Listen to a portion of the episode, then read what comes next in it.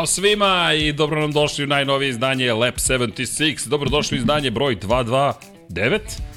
229, ja sam napisao danas 228, ali je 229, to se samo ređa kao trke Formula 1, uskoro ćemo i prestići broj trka u Formula 1, utorak je veče, nadam se da ste nam dobri, da ste nam lepo raspoloženi, kao što ste mogli da vidite, bliži se Red Bull Show, ran 11 dana do 17. septembra, danas je 6. september, ali prva poruka jeste kao i uvek poruka našeg sponzora, a on se zove Ljubav. Mazite se i pazite se i vozite i vodite računa jedni drugima. Ovde, čekaj da proverim. Sve zaljubljeni par. Dobro, dva zaljubljena para imamo večeras u publici uživo. Nemamo još uvek kameru koja gleda ka njima, mada manje, to bismo isto mogli Brojim da patike koliko. Broj pa, da, da, da, pošto ne vidim TV-a ništa. Ne možemo da vidimo, Da.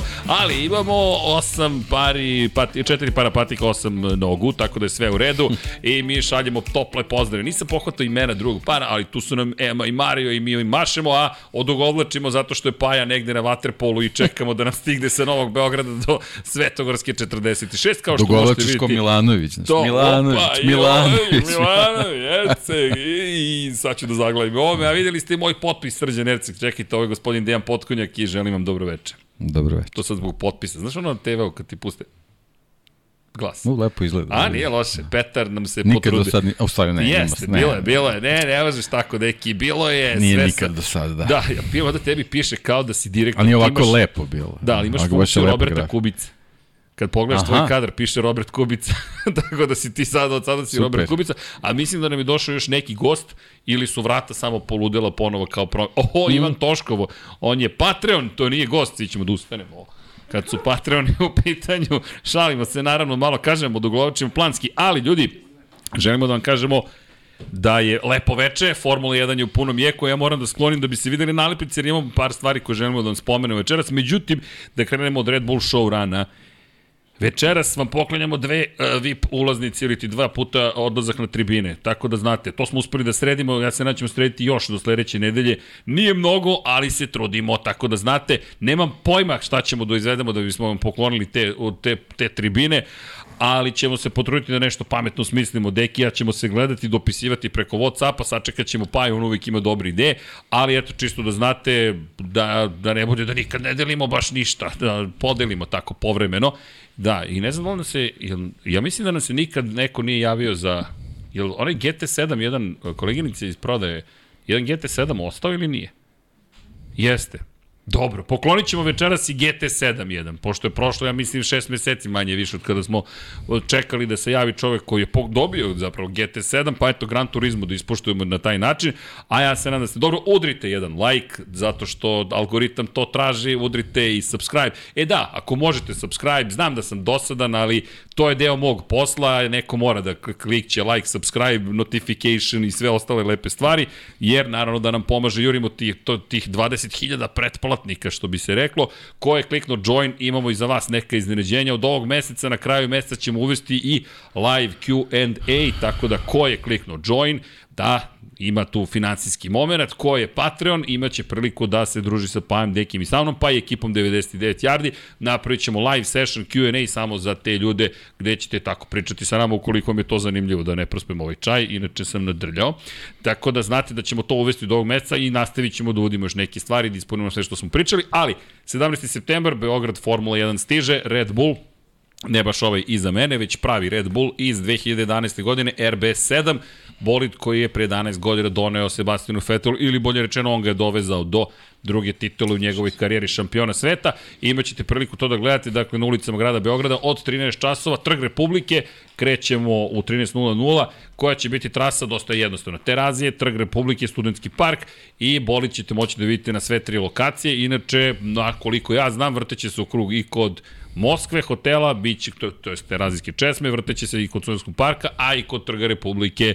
Kada kažem vrteti, da, bukvalno će se potpisivati V8 motori, eto, uzbuđeni smo jer još samo od 11 dana, ljudi, do toga da stigne Formula 1 posle 83 godine. Koleginici iz prodaje ne voli kameru, tako da baca ovde, nemojte da bacate GT7. Tako da, evo, poklanjamo i GT7. Inače, Ovaj GT7 ne samo što je za PS4, već ima i upgrade na PS5. Jel te, mi ne zadržavamo stvari koje dobijemo da poklonimo, već Deki, ti imaš PS5. Ako Imam. odgovoriš u četu do, do, dovoljno brzo, A imam i igricu. Dobio sam u postavit PS5. ćemo da... da, ti si Tako uzmano da- special edition. Pa dobio sam neke tri igrice. O, top. Da, da. Tako, Topčine. Topčina, to je novi ovde. Inače, termin koleginici iz prode ne veruje s kim ima posla, ali sami ste prihvatili uslove. Samo je vruće, jako ništa. Samo je izuzetno vruće, tako je. Inače, Deki mi je upravo borio u Monci rekord. Tako da, ponosno sedi na svom mestu, jao Vanja, morat ćemo da ga eliminišemo. ne prikazuj više. taj kadar, e, dakle, Gran Turismo i dve ulaznice za tribine, još ako vam poklonimo i Pavla Živkovića, mi smo pobedili. Možete da proverite gde je kolega Živković, GPS mu nije upanjen. Ali, ima još jedna bitna stvar i sad nije šala, stalno govorimo o nekim stvarima u koje mi verujemo, neke vrednosti koje, jel te, pokušamo da zastupamo, Između ostalog stalno pričamo o tome, mazite se, pazite se, pošaljite neku poruku i tako dalje, pa smo počeli da sarađujemo i sa UNICEF-om, što je za nas prilično velika stvar s obzirom na činjenicu da je Fernando Alonso čovek koji je, na primjer, ambasador UNICEF-a, Lewis Hamilton je ambasador UNICEF-a, I kada govorimo o UNICEF-u, inače i kroz NFL i 99 yardi, u, Vanja, posle moramo da prikažemo i pozovemo ljudi u tap room, ali pre nego što pređemo na taj deo priče, da se zadržimo na onim stvarima koje jesu bitne i kao što možete vidjeti, UNICEF-ov znak je tu i bit će tu, vidjet ćemo koliko dugo, ali mi se nadam da ćemo zaista dugo sarađivati, pošto nam jeste ideja da promovišemo neke lepe stvari. Stiže nam i oktobar, nemojte zaboraviti mesec borbe protiv raka dojke, ali šta hoću da vam kažem, za one koji žive u Republici Srbiji, ukoliko pošaljete SMS, ja mislim kod svih operatera, dakle od sada to je A1, Jetel i MTS, jel tako, nije se promenio naziv, ja pretpostavljam. Dobro, ponestali su Telenor i VIP, to su sada Jetel i A1, dakle nije šala, SMS poruku ukoliko pošaljete na 9656, ukucate 200 ili 500, svakoga meseca će vam skidati ili 200 ili 500 dinara. Ja sam pogledao, inače od 2017. mi je aktivan taj servis, neko mi u Knez Mihajlović zaustavio, pitate, hoćete, hoću, daj, idemo servis, šta sad, i onako ću popiti jednu kafu za 200 dinara, tako da a čak ne znam ni da li mogu više da je 200 Aj bolje da je jedna manje. Deki, Na dnevnoj za svako, osnovi, da. ja sam nečije dete, moja mama možda sad sluša u četu i javit će se i reći tako je sine smanji je bolje, količinu tako kafe. Tako, je. da, mi se eto trudimo da promovišemo te neke lepe pozitivne stvari, pa eto, nadamo se da Nadamo se da ćemo sutra sa Hamiltonom i Fernandom da sednemo i kažem čekaj kao ambasadori da se ispričamo ko ljudi, čekaj da vidimo. Oni su isto pružili ruku pomirenja u Zandvortu, tako da je to bila tema. Elem, ili imamo vesti o kolegi sa Waterpola? Nema vesti sa kolegi sa Waterpola, tako da ćemo mi polako ali sigurno morati da se prebaci ono što je glavna tema. Samo da proverim, Liga šampiona se igra. Liverpool je Liga. Sutra. Sutra, o, nema, Pa kad je nema Moto Grand Prix podcast, da. kad je Moto Grand Prix podcast. Dakle, da, inače sutra vas pozivamo, imat ćemo nastavak teme. Naša tema zapravo jeste, ljudi, iako se koleginica iz prodaje ne slaže sa temom u potpunosti, samo do nekle, smena generacija. I kada pogledate, Max Verstappen u Red Bull Racingu piše istoriju već sada, 30. pobjeda je zabeležena za Maxa Verstappena na velikoj nagradi Holandije, deseta ove godine, Čovek je na putu da postane višestruki šampion sveta Formule 1, dakle da odbrani prošlogodišnju titulu, dve titule će imati najverovatnije kada se završi ova sezona, ova sezona kada se završi verovatno velika nagrada Singapura kako je krenulo što će biti za dve trke. Inače pozdrav za ekipu koja putuje za Moncu, da pitam i drugi zaljubljeni par, ili idete u Moncu? Prvi zaljubljeni par ide u Moncu, čisto da... Kako, brat i sestra? A ne, vi ste par, vi ste brat i sestra. Izvinjavam se, ja nisam pohvatao ko je ko. Dobro, vi ste brat i sestra, izvinjavam se. Dakle, brat i sestra i zaljubljeni par. Okej. A gde je tebi partner, Ivane? Stiže zaljubljeni par. Dobro, ne nešto mora da radi. Dobro, izvinjavam se, pogrešno sam shvatio. Dakle, brat i sestra idu u Moncu, a zaljubljeni par, pa dobro. Vi ste zaljubljeni, vi ćete na sport klubu, tako da sve je okej. Okay. E, samo da pohvalim, dakle, ekipa putuje, pet njih putuje za Moncu. Ja, se, ja vam šaljem pozdrav svima koji idu za Moncu i njima ću, i ponovit ću vama isto što sam rekao. Ogromna je staza u Monci, istorijska je staza u Monci.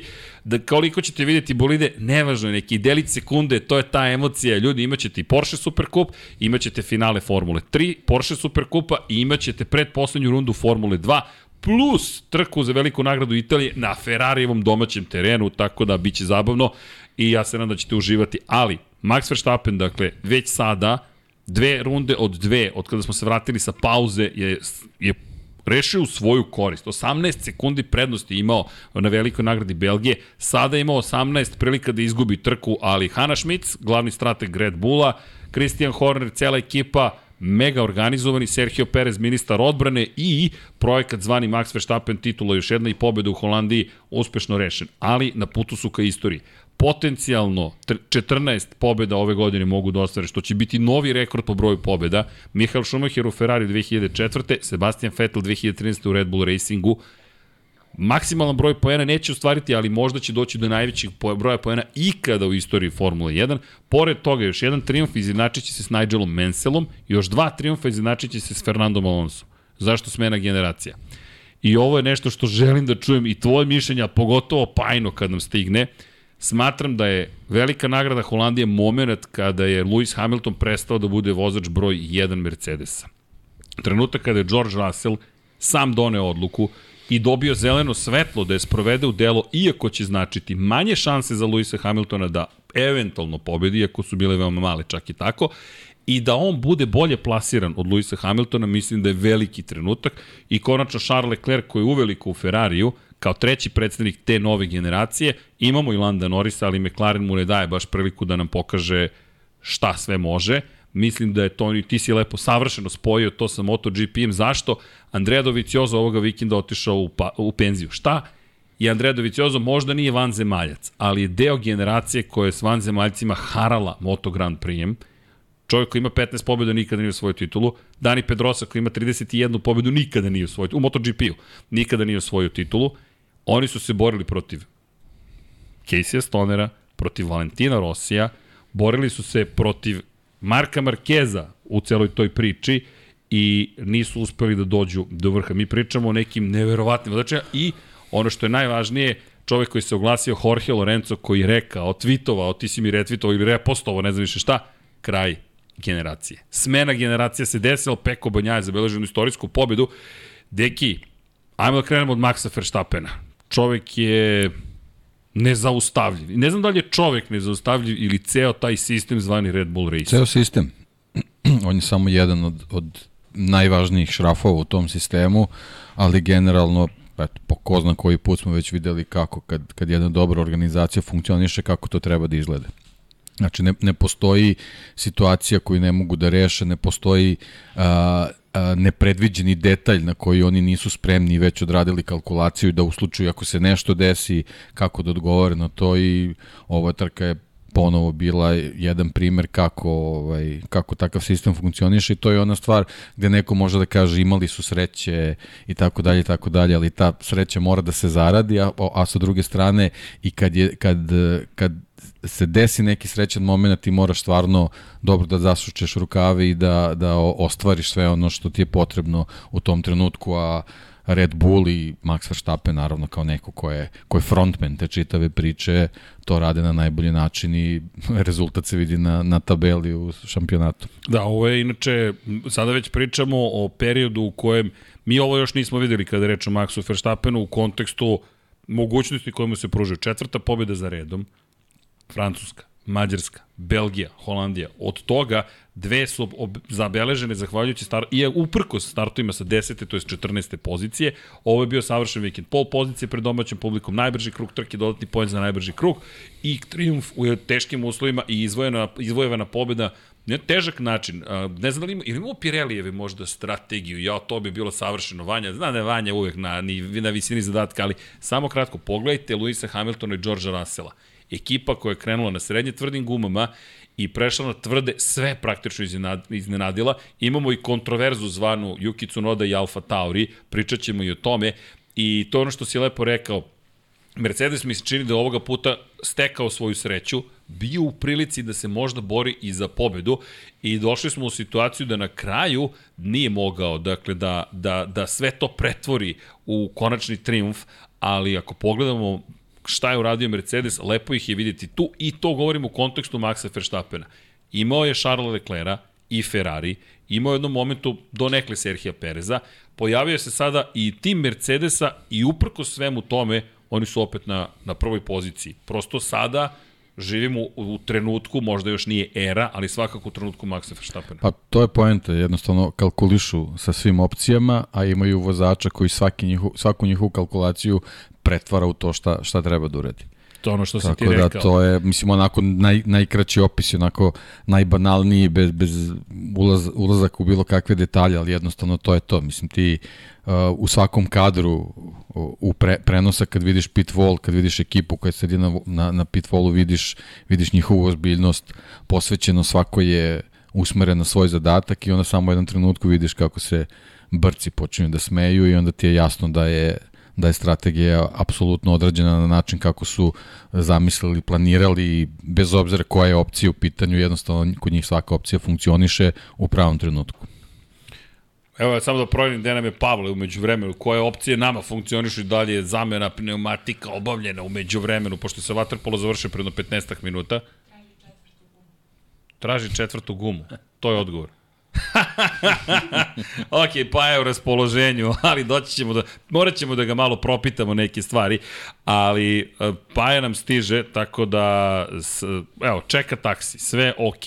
Dakle, proći ćemo stvari, ljudi, zašto?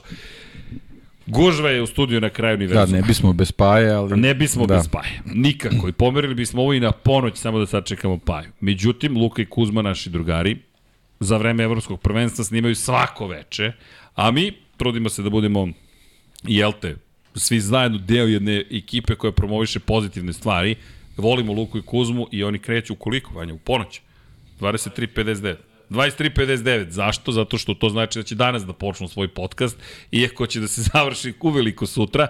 Pratite inače Luku i Kuzmu, pratite Jao Mileta, pratite sve ljude dragi koji rade lep posao, ne moraju da snimaju studiju na kraju, znam, mogu da snimaju gde god hoće, ali samo neka budu pozitivna ekipa i to je to. Ali eto, trudimo se i onda smo malo spakovani sada ta tesno, Paja na Waterpolu, Oni snimaju 23.59, ja treba da pričam manje od 2,5 sata, ko će spojiti sve te stvari? To je vrlo teško i gotovo nemoguće. Kako?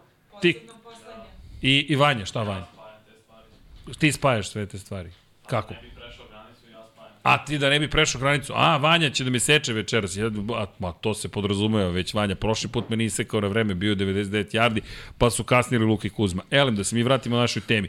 Dakle, Max Verstappen je na ovoj trci zajedno sa timom demonstrirao, ovo, ovo je već sada, ne znam, ovo je standard za Maxa Verstappena. Treba nam ono što ti deki, uzmeš ovako i sečeš liniju ravnu. Je prosto ne bih, ne znam, ne znam šta bih rekao više za ekipu koja nam dolazi sa izvinjam se, sa, iz šampionata Formula 1.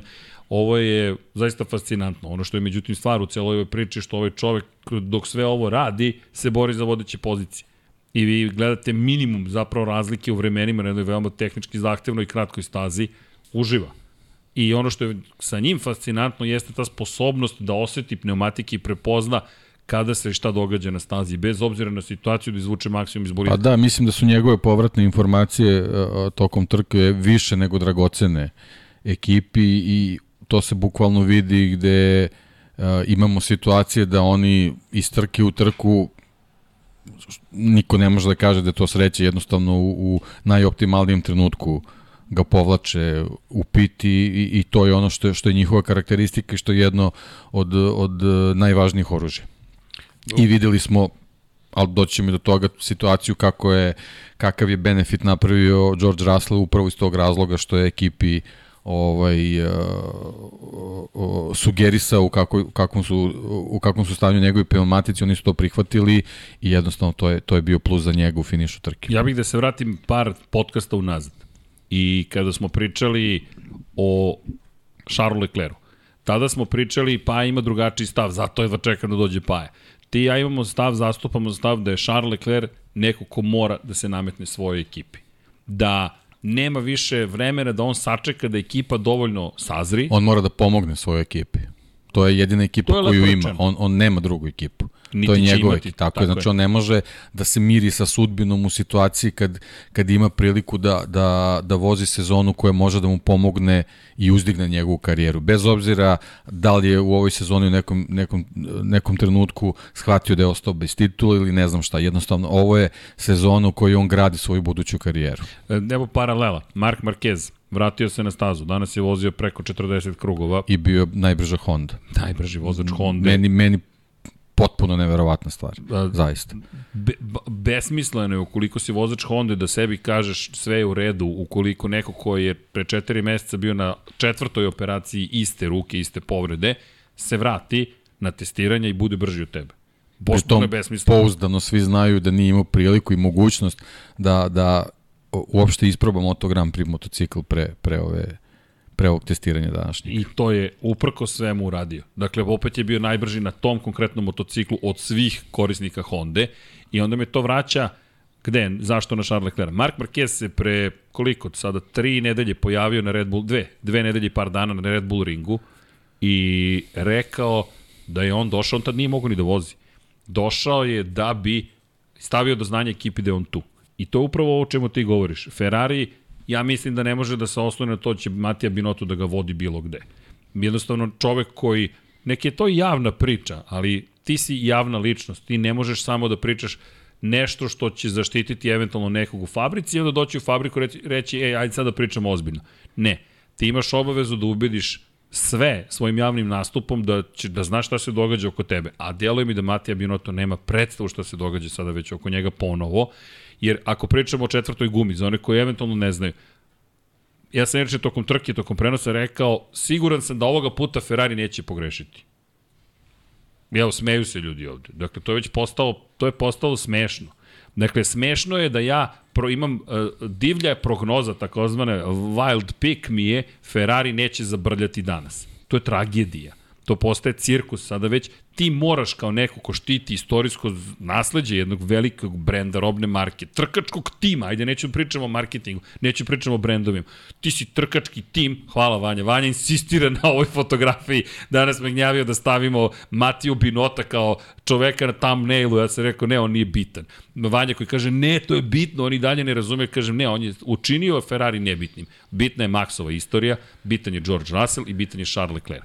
On prosto više nije bitan, on će biti fusnota u istoriji Ferrarija kako sada stvari stoje i još jedan od šefova timova koji nije uspeo. Moje A, mišljenje. Matija Banjoto ima problem što je on osoba koja je očigledno a, jedina a, koja je a, koja je pozvana da da organizuje čitavu ekipu i jedina koja je koja je isturena. Ferrariju je potreban neko kao, kao što je Niki Lauda bio u Mercedesu, kao što je Helmut Marko u Red Bullu. Takva osoba treba Ferrariju. Znači, potrebna je osoba koja će da sagleda, a, vidi, u, u, Red Bullu video si uh, koliko su sad trajale uh, zamene pneumatika kad je bilo naj, naj neophodnije, ali nisu se ti momci rodili Kao naučeni kako mehaničar, tako je. Tako je. Znači, potrebno je neko, neko ko će, ko će da, da napravi selekciju, a i od momaka koji su tu iz, iz nekog razloga, znači ako su prinuđeni da oni budu tu, znamo kako, kako se prave te mehaničarke ekipe, nisu oni svi mehaničari, to su momci koji voze, Voze kamione, kamione, koji je. su kuvari i tako dalje i tako dalje. Znači, potrebno je da neko radi s njima, a pre svega u tom izboru potrebno da neko shvati kakav je trenutak Ferrarija i da dovede ljude koji to isto razumeju i koji jednostavno moraju od, od, od tog prvog dolaska na stazu do, do, do skupljanja poslednjeg šrafa i odlaska na sledeću stazu da budu maksimalno koncentrisani i posvećeni svemu što rade. I to je ono što, što je Ferrariju uh, u ovom trenutku potrebno, ali uh, uh, uloga Matija Binota u, u svemu tome je, je da pronađe osobu koja će da vodi računa o tome. A druga je stvar je pronaći dobrog taktičara i tako dalje. Da, to smo pričali uh, prošli put, čini mi se. Jednostavno ti na tržištu nemaš ljudi koji su se pokazali u ovom trenutku uh, uh, spremni da mogu da, da, uh, da pariraju taktičkom timu uh, Red Bulla. Jako je teško pronaći, čito, zna, znaš ti... Teško je uh, postaviti. svi- U stvari vi, vi znate najbolje NFL kad pričate, kad pričate Čekaj. o, o odbranama, o napadima, ne, ne, može, ne mogu sve ekipe u NFL-u da imaju dobre Ali trenere. pazi, ti sad pričaš o, o, o konačnoj stavki u lestvici. Ako krećeš, krećeš od ko je vlasnik tima, zatim ko je menadžer tima. Čekaj, ali znaš kako u NFL-u, kad, kad neki tim gubi recimo zbog, zbog odbrane, niko ne snima glavnog trenera. Ne, snimaju defensivnog koordinatora. Prvo njega, pa onda glavnog trenera Gde, koji ga ko izabrao. je ofazivni ko- koordinator Ferrarija? Nije Matija Benotto sigurno, ali ga je on verovatno birao. I Naki Rueda bi trebalo da bude Trebalo taj bi čovjek. da bude. Trebalo bi, on E. se pojavlja na YouTube-u, ali on Ali vidi šta je tu problem. Mi zapravo ni kraju ni ne znamo čija je odgovornost, jer Matija Binotto uporno dovodi ekipu do toga da Njegova odgovornost zato što je on osoba koja Tako je na vrhu piramide. sve je u redu. E, to, to nije dobro. Vidi, deki, To ne može da bude dobro. u redu ako ti zaboraviš ceo jedan točak. To jest, nije bitno da li se točak zaglavio pod grejačem. Nije Smejali bitno smo, dalje... se, smejali smo se i, i bili su i mimovi kad Toto Wolf lupa šakom o sto, kad razbija slušalice i tako dalje tako dalje. Takav je sport jednostavno, taj adrenalin radi, čujemo i vozače, svašta izgovaraju u, Tako je, ali u, ukoliko ti nije stalo šta tražiš Tako tu, u je. bilo kom sportu, pa gledaj, apropo slušalice i NFL-a, koje se koriste, lete slušalice na sve strane, to je prva stvar koja će odleteti, to ti je emocija. Mi ne pričamo o ljudima koji su za korporativni Pa to je emocija, ali, ali to je poruka nekim ljudima koji su ispod tebe u lancu u tvom da nisi timu. zadovoljan. Tako je. I da će nešto se desiti. Nešto mora da se desi. nema nikakve emocije. E, to, jest je, ništa ne to pokazuje. je nešto što, što u ovom trenutku, nažalost, karakteriše Ferrari umesto dobrih performancija koje smo imali na početku. što nas dovodi do Charles Leclerc. I sad ovo je samo naša teorija, to je, ajde, tvoja teorija koju ja vrlo rado usvajam, jer mislim da si hiljadu posto u pravu. Ja ne znam da li je Charles Leclerc sposoban da se nametne na taj način, ali svi znaci iza njega su već tu. On mora da evoluira, ne kao vozač koji je na stazi, već kao čovek koji je menadžer ekipe praktično iz bolida. Nije lako, ali očigledno da nova, kako ih ja zovem, Twitch generacija vozača, to zahteva. Ajmo ovako, ne znam ko sve prati, ali ko je od mlađih igrao bilo šta od simulacije i vozio. Kada se pripremate za trku, vi morate da razmislite o strategiji, vi morate da podesite odnose brzina, vi morate da izaberete gume, vi morate da birate u kom trenutku idete na zamenu pneumatika. Dakle, ti imaš sada trening, simulacije više nisu šala. Ovo možda nije simulacija F1 22, ali je arkada koja je bliska nečemu što se zove Formula 1, jel tako? Ima zvaničnu licencu, sad imate boljih simulacija. Topla preporuka, potražite ih, igrajte se, vozite. Ali, svi ti klinci, uslovno rečeno, i klinke, su obučene za nešto drugo. Samo volan, kada, ja ne znam, kada bismo danas nekom iz generacije vozača iz 50-ih, 60-ih, 70-ih dali volan Formula 1, šta bi taj čovjek uradio? Da li bi se snašao? Da li bi pokrenuo te pneumatike na pravi način? Jer ti sad moraš da podesiš diferencijal, eh, snagu motora, eh, obratni moment, moraš da podesiš balans kočenja, moraš da znaš kako da bukvalno pokreneš taj bolid, kako da podesiš tačku hvatanja kvačila, ti dok to sve uradiš, ti moraš da Pa budeš poredili smo ih, znači vozači Formule 1 su nekad bili piloti borbenih aviona, onih starih iz, Stari. iz drugog svetskog Sada rata. ti treba borbeni pilot Upališ borbenog motor i- aviona. i uzmeš palicu i krenuo mislim, sad smo banalizovali. Pa, ni- ali- ali, ovo je sad pri, priča, ovo je bukvalno procedura poletanja F14. putničkog, pa, putničkog Ma, aviona. aviona. Tako je. Postoji Check knjiga lista. koju kreneš i check listu, oni bukvalno E, check listu imaju. Zato ja verujem da I Charles imaju Leclerc kontrolni toranj na, na pit volu koji im govori u nekim trenucima šta trebaju da rade. Ali zato ja mislim da Charles Leclerc mora da iskoristi to umeće koje očigledno posjeduje. Bukvalno zahvaljujući Twitchu o tome razmišljam, da kaže ok, jer šta se desilo? Zašto je ova priča, ja, ja mislim da je ovo ključna priča o smeri generacije. Max Verstappen ljudi ide ka tituli broj 2. Mi možemo sada da menjamo informacije i pričamo o tome, još nije gotovo, teoretski desit će se ovo, desit će se ono. A on čovek ide ka tituli broj 2. Bukvalno. Jer ovo je sad samo pitanje sa koliko pobjeda će završiti sezon. Šta treba da se desi da ne bi osvojio? Charles Leclerc ili Sergio Perez moraju da pobjede po četiri puta da one osvoji jedan jedini da bi oni došli rame u rame, rame sa njime. Da li neko zaista veruje da će se to desiti? Pa od, od cele te e, verovatnoće, verovatno postoji mogućnost da Charles Leclerc pobedi četiri puta, ali Ali mnogo da verovatnoća završi da, nijedno. upravo to, zbog, zbog čitavog njegovog izdanja tokom ove sezone. Ne samo njegovog, znači, nego čitave ekipe. I to nas dovodi do sledeće priče. Max Verstappen i nova generacija. Max Verstappen je izabrao, što bi rekli u Indiana Jonesu, wisely. Ili su njega izabrali mudro. U timu je koji može da mu pruži. Ali, šta je Verstappen radio prethodnih godina? Pa je to često pričao i pa je to često napominje. Insistirao kroz svoje ugovore da ima opciju da napusti Red Bull ukoliko Red Bull nije dovoljno dobar. On je sebe postavio kao zvezdu sadašnjosti pa i budućnosti u momentu kada je pregovarao sa Red Bullom. Nije se postavio, ovo je moja poslednja i konačna stanica. Tu je malo nezgodno kada potpišeš za Ferrari. Koja Tako ti je sledeća tako stanica? Je, tako je. Znaš, kada potpišeš za Red Bull, imaš težnju, uf, pa crvena boja Ferrarija. Kada potpišeš za Mercedes, uf, crvena boja Ferrari. Kada potpišeš za Red Bull, o, ba ne, sad čekaj, stani. Ja vas teram da budete bolji, ovde odmahuju navijači Red Bulla, to je nova generacija. Da li biste vi voleli da nek da ode u Ferrari, na primjer? Da li vam je bitno? Ne. Znači, mi sad ono što smo pričali prošli put, mi imamo navijače, ne samo Maxa Verstappena, nego imamo navijače Paja Živkovića koji je upravo ušao u studiju i molim vas za jedan veliki gromoglasni aplauz za naše kolegu. Vanja nije hteo ovaj kadar da da. Ajmo, izvolite, izvolite kolega. Ronio Saliven je stigao, sedmostruki šampion sveta. Dobio si žuti mikrofon, pošto smo nešto tu menjali, ali... Deki mi namestio. Nemam pojma ko je, pa to ti je... Ne, ti si navijač Valentina Rosija. Stavio Juventusa. Villarreal, gubite, Gubim. gubite. Au, A Chelsea već izgubio. E, ali, to- ali, to mi se ali- sviđa. Ali si dobio potpis. Da. A? Ali si dobio potpis. Šta piše? Piše Pavle Živković 20. Pavle Živković 28 na Instagramu. A, zbog godina. Da obrnemo brojeve, šta? To, to.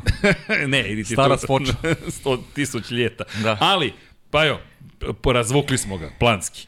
Da, A, znam, checklist. Pa- pa morali smo. Još smo na maks. Znaš šta, Još smo na završio, završio sam pre 20 minuta, a nisam znao da je haos u gradu. Nisam Haos je, a jao, trole su prestale. Pa, da. Svečane večere Pa, da, tako, da, da, svašta Ima, nešto, ima da. neki gost je stigao sad. Da. Ne znam ko je opet, zaista. E, mislim da je Erdogan. E, Erdogan e, je bravo, stigao. Jeste, jeste, jeste. Kako? Jeste, jeste. Šta, šta? A, ba, Ej, Gabriel Omar je stigao u Beograd, da, da, da. Batistuta da, je stigao, da. Batistuta je stigao u studiju. Ček, ček, ček, ovo je nešto. Opa, evo ga, namestili smo pa. Nameštate me večeras. Pravite mi neke zvrčke ovde. Ne, vidi, sad si bezbedan. Kaži, Vanja, jel si zadovoljan setup? Sad možemo da krenemo. E, dobrodošli u Lab 76. Bolje vas našli. to vam kažem. E, vidi, konstatovali smo da je Max istorijsku pobedu zabeležio. Mogu ja da idem. To je. to bi bilo to. Inače, ovdje imaš navijače Red Bulla. Dakle, ako Max ode iz Da, Red Bulla, to- to nema više, ono- niste za njega više. Da, to ono što smo, da, to ono što smo pričali. Da, Da, da. da. Menjaju Da, se stvari. ima, pa menjaju se, da, Menjaju, se stvari. stvari, da. Prvi put u istoriji da je Ferrari počinje da biva ugrožen po tom pitanju. Jer sad baš pričamo o tome št, e, gde je smera generacija. Moje mišljenje, koleginici iz prodaje se ne slaže, da je, ok, Max ima svoj tim. Charles Leclerc ima svoj tim koji uh, škripi, ne funkcioniše. I George Russell mislim da se nameće da dobije svoj tim. I to je ono čemu pričamo, da Charles Leclerc deki izneo pre, ideju da mora da postane vođa te ekipe, jer drugu nema. Slažem se za, za Maxa i za George. Jer Da vidi- mogu dobiti svoj tim, a za Leclerc se ne slažem da ima svoj tim. Ne, ne, on, on nema, nema. on nema svoj tim. nego da pokuša da to pretvori u svoj Pa tim. misliš da, da je mogu nešto više da uradi ove godine da bi pretvorio to u svoj tim? Pa, ne Ja znam, mislim da on neće imati svoj tim. Nažalost. Neće imati svoj tim. Ne možemo da pričamo o, o tom konceptu, makar s moje strane ne vidim da će on imati svoj tim. A za ovo se slažem s obojicom. Pazi, Nemaš svoj tim, nemaš šampionsku titulu. Pa da. Vrlo E, jednostavno. To, to, Tako smo je. došli. Baš da to. ti moraš da imaš tim. Max ga ima sada. I ono što si ti često napominjao, Max je naterao Red Bull da prihvati uslove u ugovoru koji kažu niste dovoljno dobri, oduh je odavde. Pa da. I sebe je postavio kao zvezdu koja je potrebna ekipi, a ne obrnuto. Jer Charles Leclerc sada posle Ferrarija, gde će on? Gde je otvoreno vrata ako ne uspe u Ferrari? Indikar. In, razum, dakle, in, razumeš, nema Formula 1. nema, nema. nema. Slažem se. A Mercedes gradi Georgea Russella, ja mislim da ovo I George, George. Russell gradi sebe. Tako je. Jeste. I to je ono što je Deki pričao, na primjer, o, o, o tome da moraš da se nametneš. Max se nametnuo kroz ugovor, kroz stav sa strane, ali i kroz komunikaciju koja nije preterana. Kod njega nema mnogo priče, ali ima dovoljno priče da kaže, ej, nisam zadovoljan, moramo da bude bolje. S druge strane, zašto mi je George Russell bitan? Ljudi, evo, moje mišljenje, ja mislim da je velika nagrada Holandije 2022. označila prekretnicu u istoriji Mercedesa. Bukvalno to mislim, iako deluje kao sitnica, mislim da se prvi put desilo da je tim Mercedesa rekao, ok, prihvatamo da Lewis Hamilton nije broj 1 u smislu da je najvažnije šta će se desiti sa njime u ovoj trci. To je moj utisak posle one izjave Georgea Russella. Možda deluje kao sitnica i kao pa nije, nije bitno i ne mislim da Russell sutra neće pomoći u nekoj situaciji, ali mislim da smo došli do stadijuma kada George Russell govori bukvalno za sebe, ja se ovde namećem. Jer da je prihvatio ulogu vozača broj 2, možda je mogao da pomogne da malo drugačije bude trka. Ne mislim da će da bi zaustavili Maxa Verstappena, ali možda su mogli da budu na pobedničkom postolju zajedno. Da, opet se, delimično se sada slažem. Okej. Delimično uh, da je mogao da pomogne Luisu da i on završi trku u da bude drugi, da završi na podijum. Drugi i treći da budu. Da, to su mogli da urade, ali koncepcijski mislim da se ništa ne menja u Mercedesu, da je Lewis Hamilton taj koji će biti vođa tima naredne godine i da je, da je trebalo Lewisu Hamiltonu u borbi za titule za titulu, e, završila bi se trka tako. Jeste pričali sa koleginicom iz prodaje? Ne, nismo Ja pričali. ću ali- samo, samo da dodam jednu stvar. Lewis Izvoli. Hamilton će sledeće godine biti lider tima samo ako Mercedesu bude sve funkcionisalo perfektno. Tako je, pa da. Ako da. bude borba, George Russell će biti taj koji će nositi Mercedes kao i ove godine. U, to je I zanimljivo. samim tim će svoj rating dodatno da Ja, ja i da pričam samo poboljša. koncepcijski u A u- slučaju, u da, slučaju- kako da može pobedi U Mercedes. to slučaju da Lewis Mercedes bude. sledeće godine ne bude funkcionisao kako treba, Lewis Hamilton više nije u tom timu i Pa ne, ide u penziju. pitanje je da li više u Formuli 1. Pa zato i da. kažemo da je sledeća godina kritična i za Luisa i, i, za, i za Maxa. Sad pričamo o Maxu o tim nekim rekordima. Mislim da će kritična biti naredna godina. Jer njegov najveći rival naredne godine po svemu treba bude Lewis Hamilton. Ako Lewis Hamilton ne bude bio kadar da se bori sa Maxom, ako ne bude u prilici osvoji titulu, to će biti labudova pesma Lewisa Hamiltona i to je, on, onda se tu konkurencija čisti i ono što ste rekli, ostaje, ostaje George Russell, ostaje Charles Leclerc, momci koji nemaju tu vrstu iskustva koje, koje ima, koje ima Max Verstappen. Verstappen. Da. I onda će I, neko njih- I ima svesrdno tim na svojoj strani. I morat će da uradi ono što je Verstappen radio prošle godine sa Red Bullom. Mora da napadne najveću ribu u okeanu. Tako je. A to neće biti lako jer ta riba u tom momentu može da ima već tri titule. I da bude istorijska ličnost. to. jer To Pa da. postaje polako ali sigurno Max Verstappen. Već jeste na jedan način, ali i ovde je bio u jednom momentu i Fernando Alonso. 30 pobjeda, dve titule, otvaraju ti se sva vrata, pa je završio, to je završio karijeru s dve titule. odbio da pređu Red Bull. da, da, Da. onda je odbio da je pređe. pre- odbio da pređe u Red Zavisi Bull. to. Što ti kažeš, on bi dan danas osvajao titulu. Pa iskreno da kažem, ja bi tad u tom momentu odbio da pređem. Pa Red Bull. ne, niko njega ne... Ne, nikoga ne kritikuje, ko bi mogu da pomisli. Lewis Hamilton je rekao, to je, ne može, taj tim neće se nikad porediti sa velikim timovima Formula 1. I sad se izvinio, rekao je tokom ovog vikenda, pogrešio sam.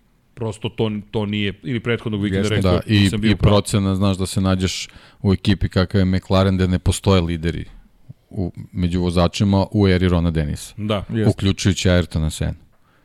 bukvalno, uključujući Ayrtona Senna, da niko tu nije bio lider. Ti A Fernando Alonso je bolid. po, po, po prirodi čovek koji želi da bude vođa. I onda je ta procena bila, a u Red Bullu bi mu to dozvolili, zato što je Red Bull u tom trenutku rastao. Misliš da je zato otišao Aston Martin? To sam baš teo da Pa dobro, da ovo su pitam. sad već druge faze karijere, ovo je sad, Da, ovo je pa sad već druga priča. Da li će po, da. pored sina da bude vođa? To, ovo sad više, to sad više nije bitno. se, šalim se, šalim se. To sad E, više ali- nije ovaj, taj moment. Samo da dam mo, e, dodatnu informaciju zašto mislim da je Russell povukao jedan od najvažnijih poteza. I, I mislim da je Bottas bio u njegovoj koži, a setimo se Bottasa, nisam siguran da bi Bottasu dali ove gume, posle svega što se dešavalo, čak i ukoliko ste, ukoliko ste i ti koleginici iz prodaju pravu, mislim da bi Bottas da je rekao hoću crvene, kao što se često dešavalo, gume da ne dobije, dobio ne. Pa dobro, odgovor. možemo da polemišemo sada na, na, Znaš, jer to je na više potez. načina, ali, ali sećaš si reakcije George Russell? On je, je, on je uslovio ekipu rekavši da mu se da ne može novim gumama da, da mu se troše pneumatici da mora hitno da, da promeni na meki gume. I Mercedes je u tom a, a, Lewis Hamilton je bio kolateralna šteta reakcije George Russella. Jer to je bila vrlo onako napadna reakcija. U, smi, u pan, panična reakcija, u smislu neću završiti trku. I onda je Mercedes... E, Vanja, može Pirelli? Možemo, možemo da pričamo sad i o toj Pa reakciji dobro, znaš Mercedesa. kako, na pneumaticima postoje senzori, nije to baš... Ja, pa Jer dobro, vidi, nije to baš. Okej, ali- Russell imao nove potpuno Ali, ali njegov, njegov nastup je nešto što fascinira u tom Okej, trenutku. ba, nije- nije A za. Luisa Hamiltona se ponovo desila situacija da, da on nema pravovremenu reakciju u situaciji kad, kad, kad mora da utiče na odluku I ekipe. nema ekipa. Da. I to je ono što je Pavel rekao tokom prenosa. Nađite manu Red Bullu, teško. A Mercedes je imao, Ferrari ih i tekako ima. Alo, Ferrari više nije, nije u priči za, za svoje reakcije. Vanja, jel sad razumeš zašto sam rekao Binotto ne može na thumbnail? To, to je jednostavno, on više nije bitan dovoljno za thumbnail. Bukvalno je sebe doveo u tu situaciju. Ja mislim da Ali Binotto ima- neće voditi ekipu sledeće godine. Pa, Bez obzira na sve ove priče, mislim da, da neće voditi ekipu. to smo, to smo bukvalno izjavili. Fus nota u a? istoriji Ferrari. Ne, to, toliko smo rekli. Fus nota u istoriji Ferrari. Bukvalno, još, da, ali smo još pričali da je potreban novi ofanzivni koordinator. Pa da, nije, pa dobro, ali bit će... nije glavni menadžer. Znaš kako je to u. Ferrariju? To će da bude vratno neka kozmetička promjena, znaš, to je... Pa teško novo će tu ime- biti, teško će tu biti neka sad, znaš, nešto, desit će se nešto tipa Ariva Bene se vratio i tako. Znaš, to je... Pa koga, ne, ne, znaš koga će da unaprede? Injaki i Ruedu će da pretvore u menadžera, pošto su toliko strategije dobre da je sasvim logično da ga pre, promovišu u generalnog menadžera. Ironičan sam krajnje, na cinizmu završilo. Ali, ono što hoću da kažem iz perspektive, ajde, da, se samo vratim na sekund na, na Georgea Russella. Ako pogledaš ovo, To je potez koji mislim, veoma značajan. Ali, ima još jedna situacija. Vas dvojica, ti, ti to nisi javno rekao, ili si rekao privatno, jesu što je Pajs govorio. Abu Dhabi 2. Ovo je Abu Dhabi 2. Ko opet ne menja gume? Mercedes ko opet se nalazi u situaciji da ne može da se odbrani, Mercedes. Ne kažem da su očekivali ikada da će trka biti puštena u Abu Dhabiju, ali ti si sada opet u istoj situaciji. Pre čemu u jednom momentu Hamilton imao 3,5 sekunde prednosti iza vozila bezbednosti, čak je teoretska šansa postojala da uđe, zameni gume i ostane na prve, nekoj prve tri pozicije. Bukvalno. Dobro, ali, ali, ali, ali znaš, to je, to je kad imaš ovaj, situaciju u kojoj balansiraš između dva igrača, između dva vozača, a imaš druge strane ekipu koja ima onako jasno usresređena samo na to što radi Max Verstappen. I ti onda u toj poziciji lakše ti je i da lakše i timu da da donosi odluke jer jer ona je tim je apsolutno vezan za ono što je odabir Maxa Verstappena. Max koji je M je sjajan vozač, e ima tako svesrdnu podršku tima koji je apsolutno posveđen njegovim potrebama. A ti ovde potpuno je logički, logično razmišljanje da, da Lewis Hamilton pređe na meke gume da zaštiti uh, da proba da obrani prvu poziciju. Na srednji tvrdi nema šta da traži. I onda imamo taj nastup Georgea Russella, imamo tim koji reaguje na nastup Georgea Russella i negde u tom magnovenju usled činjenice da nemaju realno borbu za šampionsku. Ja, ja iskreno verujem da, da bi Mercedes drugačije reagovao da, da Luis može da osvoji titul da bi to potpuno bila drugačija reakcija. Drugačija bi reakcija ona... bila da je bila već neka pobeda ove sezone. Pa i, imamo Oni su sad postali ekipa koja žarko želi da pobedi pa, i onda su da, toj situaciji imamo, desio imamo što onu reakciju na kraju gde se Toto Wolff opet izvinjava Luisu, Luisu Hamiltonu, da opet ide ona priča pogrešili smo, izvini, i stalno, stalno mu se izvinjavaju ove godine i to ti još jedan dokaz da je, da je tim apsolutno njemu posvećen i dalje. I pa da, ali Ferrari se izvinjava Charlesu Leclerc. A dobro, ali Ferrari mislim da to ne, ne možemo ja? da stavimo to isti koš. Ja mislim da će Luis naredne godine biti apsolutno broj 1, jer to je njegova posljednja šansa. On je, on je identifikacija Mercedes. Ja mislim da njemu polako George skida skalp. Iskreno. I mislim da početak ja sledeće godine... Ja ne mislim tako, ali ajde. Ja mislim da sledeće godine će imati on, onu situaciju koju su imali s Bottasom. Početak godine da vidimo kog gde šta ko kako, ali znamo vremena da će to sve se završiti tako što će biti podrška Luisu Hamiltonu. Ali uz sve ove priče, ukoliko Hamilton nije jasno bolji od Rasela u momentu kada treba da se to ono što je Deki rekao, to sad ajde, proširujem njegovu, njegovo objašnjenje koje je dosta koncizno, ali ukoliko Hamilton ne bude bio na poziciji 1 u šampionatu ili ne bude upečatljiv u odnosu na Rasela, mislim da će Mercedes tu reći, ok, već smo videli kako ovo može da se dešava. Dalje, mislim dalje. da jedini vozač koji dalje može u kontinuitetu da, da pobeđuje. pobeđuje Max Verstappen na stazi je Lewis Hamilton. I zato smatram da će Mercedes i dalje ostati uh,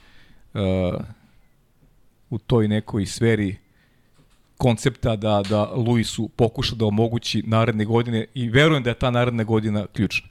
Nisam siguran da će Luis više imati prilike da se bori za titulu osim ukoliko naredne godine Mercedes ne bude, ne bude bio konstanta boj nego što slučaj tekuće sezone. No, možda ja previše čitam nema ve, iz ove pa ne, situacije. Ne, ne, nema veze, prosto drugačije mislimo. To tako ne, je, nema je, veze. Šta ali to mi je skroz zanimljivo zato što gledam, znaš, razliku koja je postojala kada govorimo o Russellu i o, i o Hamiltonu.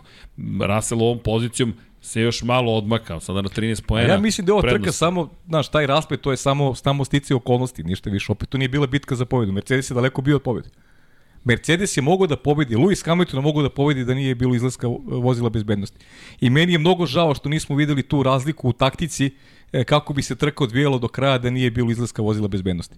Mercedes sa jednim stajanjem, Red Bull sa dva stajanja. Ja bih volio da smo videli tu trku do kraja. ali Na prosto nismo, nije da. se desilo i to je to. Ne možemo da pričamo o tome, nije se desilo. Ali opet I, je pobedila ekipa koja se bolje prilagodila situaciji Dobro, na stazi, naravno, to je to. Sve okay. I pitanje, ajmo, moramo, ne, da ne bežimo od, od, od te teme, Alfa Tauri. Alfa Tauri, pošto mnogi smatraju da je Alfa Tauri kao drugi tim Red Bulla zapravo povukao planski potez. Da, da, to pričaju. To se baš priča svi, da. ozbiljno da. kako je to namerno učinjeno, jer Yuki Tsunoda se zaustavlja uz čudne poruke na sred staze, pokreće bolid, vraća se nazad do garaže, menjaju mu gume, obezbeđuju pojas, vraćaju ga na stazu. A misliš da treba se bavimo tom temom? Pa, samo kratko, da, da ne pobegnemo teme, da ne pa ostavimo ja, bez... ja mislim da dovoljno trebali su da pozovu ovaj, Flavija Briatore, on bi im rekao da, da li je to zaista tako ili nije. Pa da. Jer to, da, Jednostavno bi im objasnio, on sigurno može da vidi kroz ti, redove da li je tako ili nije. Jel ti veruješ da se to desilo namerno ili... Apsolutno ne. Da, mislim. Apsolutno ali ne. mi je, ali mi je, zato mislim ulazimo malo sad u Ne, ne, samo u da neki prođemo domen tu temu. Žute štampe i tako tako dalje. Samo mislim, da je ne ostavimo bez komentara. Da, mislim da se prosto desilo, da, da nije, da nema tu naš plan. Znaš koji je moj komentar? Mislim da su samo pokazali koliko, jer ima jedan- moment kada kažu nastavi, izađi iz pit lane, zaustavi se. Da, ali moje mišljenje je da je poruka samo upućena da ne bi se zaustavio u pit lane-u. Ništa drugo. A ne zato što žele da zaustave trku ili da nešto promene u celoj priči. Objašnjenje je čudno, ali napadaju čoveka kojem, i stvarno nemam, nemam potrebu da branim niti Alfa Tauri, niti Red Bull, niti, niti Yuki Tsunodu, ali Yuki svakako nije sa engleskog govornog područja. I sada se uzimaju rečenice, e, Juki je to htio da kaže, ne znam šta Juki htio da kaže, ali ne vidim da Alfa Tauri odjednom učestvo u nekom master planu Hane Schmitz, otprilike da oni zaustave bolid. Pritom pričamo o dva vozača koji će najvjerojatnije otići iz Alfa Tauri. I, I ne samo to, pored toga, ko kaže da Max Verstappen ne bi pobedio i bez te situacije. Pa naravno. Mi govorimo o čoveku koji se trka na domaćem Mi terenu. smo rekli da bi samo bilo interesantnije videti sudar dve, tra, dve strategije kako bi to izgledalo. Ne, Možda ja bi Maxi vidim- sa, dve, sa dva stajanja bio Mada, bolji na kraju. Deki, ti si opet nešto sjajno izjavio. Znaš šta je Deki rekao? Pa Srki, drugi italijanski tim. Da. Mislim, i dalje, znaš, neke, neka pravila i dalje važe. Možda nije iz Maranela, ali iz Faence i, i vodi ih Austrijanaca, ali dalje neke, neke, neke stvari se ponavljaju. I može Nismo čuli, ali smo osetili galamu na pit wallu. na pit wallu. Ne, ali čulo se kako se deru. Videlo se kako urla čovek u onaj mikrofon. Ja nisam vidio nikoga na zidu u Formuli 1 da urla u mikrofon, ali to je ta energičnost u italijanskom saobraćaju. Pa eto, pretpostavljam da se prenela. Ali, Špic, špic je bio. Špic, špic je bio. Ali zaista vidiš da urlaju na Jukija i da mu govore, a man čoveče, ništa nije loše s bolidom.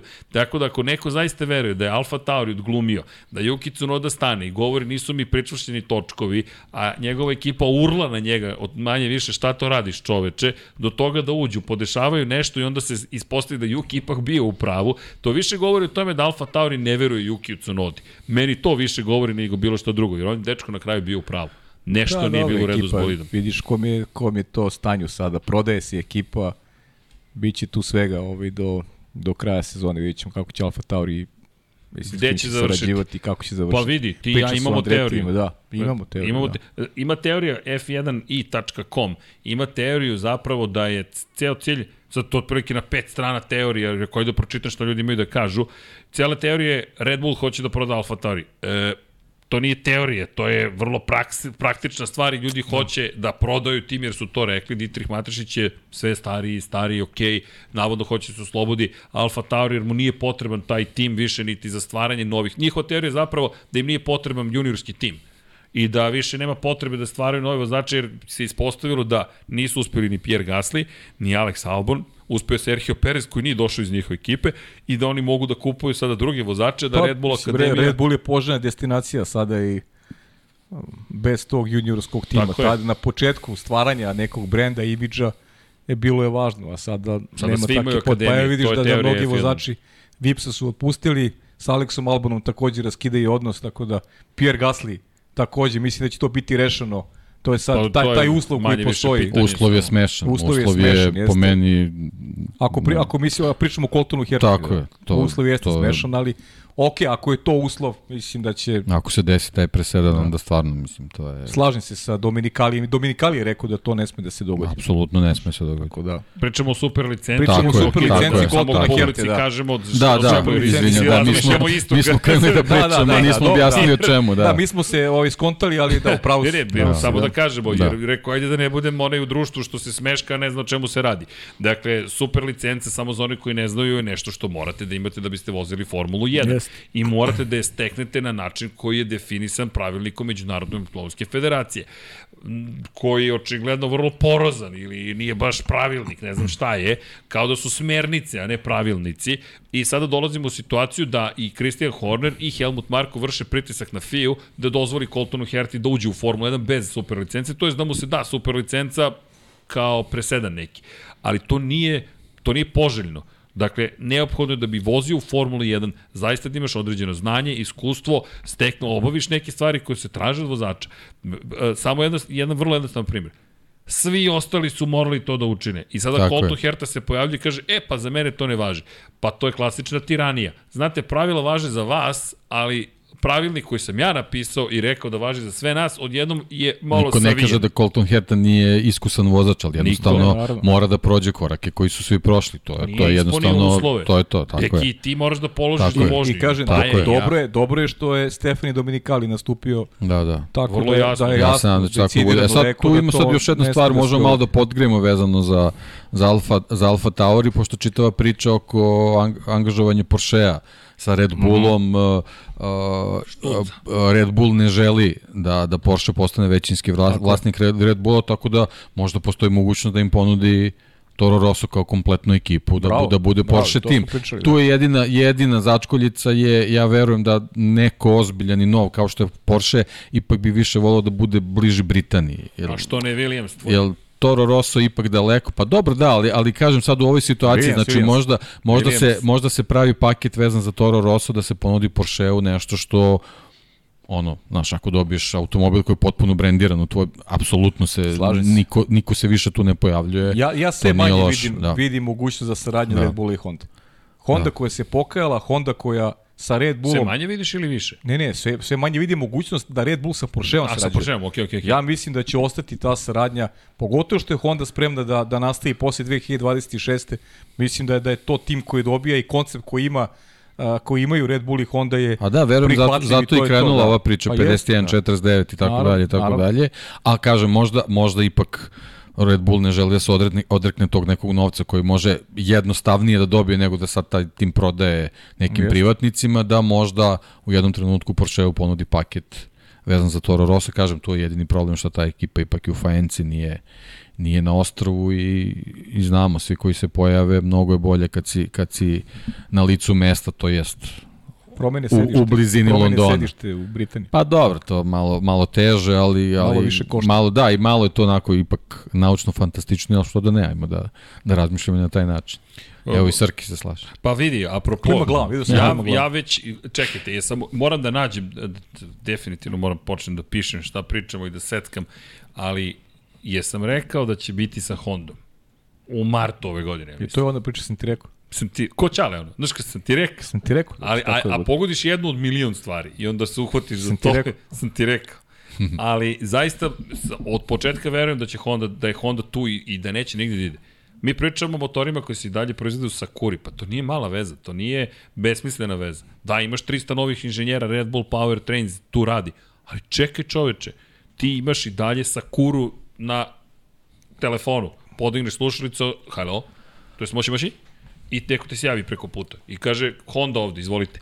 I ti sada imaš Alfa Tauri koji je na Kako prodaju. kaže? Moći maši. Ej, studiralo se, studiralo se i meni, ej, sreo sam čoveka sa katedra. Znam, rekao si Kaže, to. Prije to- to si pričao i- prošle i ljudi znaju. Već je da postao mator i uopšte, da, Ne, ovaj, ne, ne, ne, prati, ne, prati šta je već rekao, ne pričao. Ne prati Da. samog sebe. Da. Evo mu ja ću ti Iz poslati. podcasta u podcast. Iz podcasta. Hvala. Iz podcasta, jao, uvrede, lete sa svi. Koje uvrede, ne, ne vređamo se mi ovde. Samo, djel, Samo mene. Menjamo mišljenje. samo. Mene. E da pozdrav za naše Hasana Bratića. Hasan koji nam je bio u, Hollandi. Pozdrav za Andreja Isakovića. Smem sad da pričam nešto više ili ne? Nema Još- potrebe, polako. Još ne. Ne, no, ne. Deki, tight lipped. Što Ja, ja i ne znam u čemu se radi, baš što Pusti. Pajo. Pusti, Pajo. Ćuti, ja. Stvarno će nas iseći. Sedi i ćuti. Bićeš pozvan, A, do, to je, Dobro, biće smem pozvan. bar da najavim da će svi biti pozvani. svi ćete biti. Svi pa ćete to, biti da. pozvani. Na to nešto, da. ovde, a? Ma Da, ne, da. ma svi. Krajem Svi. septembra pripremite Globalno. E da, Opa. par stvari, par stvari. Čekajte da iskoristite. Prvo udrite like. Ja mislim da je Paja zaslužio like. Što Paja? Pa zato što si drag čovek. Jako A, brzo si a. stigao. I da, i Da, brzo se stigli. Pazi, ti si cijel dan na mikrofonom od Ja, koliko? ceo dan, od, od 14. Od 14. Uz dva studije, uz... Pa ne, Malo podcast. malo podcaste, dobro, to je to. za, za lata, za kraj Priča, dana. priču stiže. I dalje imaš bolje pamćenje od mene. Eto ti. Pa došao sam mlađi. Za pa godine, godine. Ali, tri stvari. Prva stvar, ne znam šta radite u petak ovaj, 9. septembra, ali Dogma Tap Room, za one koji ne znaju gde je, stavit Dogma. ćemo Dogma. I u Vanja, možeš da ubaciš iz Sleka kanal 99 Yardi, ono što smo napravili. Sad će Vanja da izvadi Ne može da bude unveil kad pozivamo ljude. Daj stavi, šta ti je? Bože, pruža mi otpor ovde, čak i Vanja. Svi su poludili, svi su se rešili da, da večeras bude. Gasi Vanja. Na Slack, tako je. Pa čekaj, pozivamo ljude, svi su nam dragi ljudi, nije bitno gde ćemo predstaviti, bitno je da se ljudi, družimo s ljudima. Humanizam pre svega. Humanizam i renesans. Nismo mi fancy, nema to kao, ja, vidjet ćete ko je dovoljno fancy i VIP dobit će informaciju. Ne, mi smo, mi smo oni priprosti ljudi koji vole da se druže. Tako da, vidjet ćete to, Vanja, to, šta ti je? Ne, onaj poslednji. Čekaj, sad ću ti poslati, izvinite, sad zakomplikovao smo, ali uh, nemam sad pojma sad, šta sam poslao, ali šta god da radite, 9.9. dakle, 99 yardi vas pozivaju na šta? Na predstavljanje piva koje se zove SEK koji ima 9,9% alkohola, nemojte da pijete i da vozite, slučajno.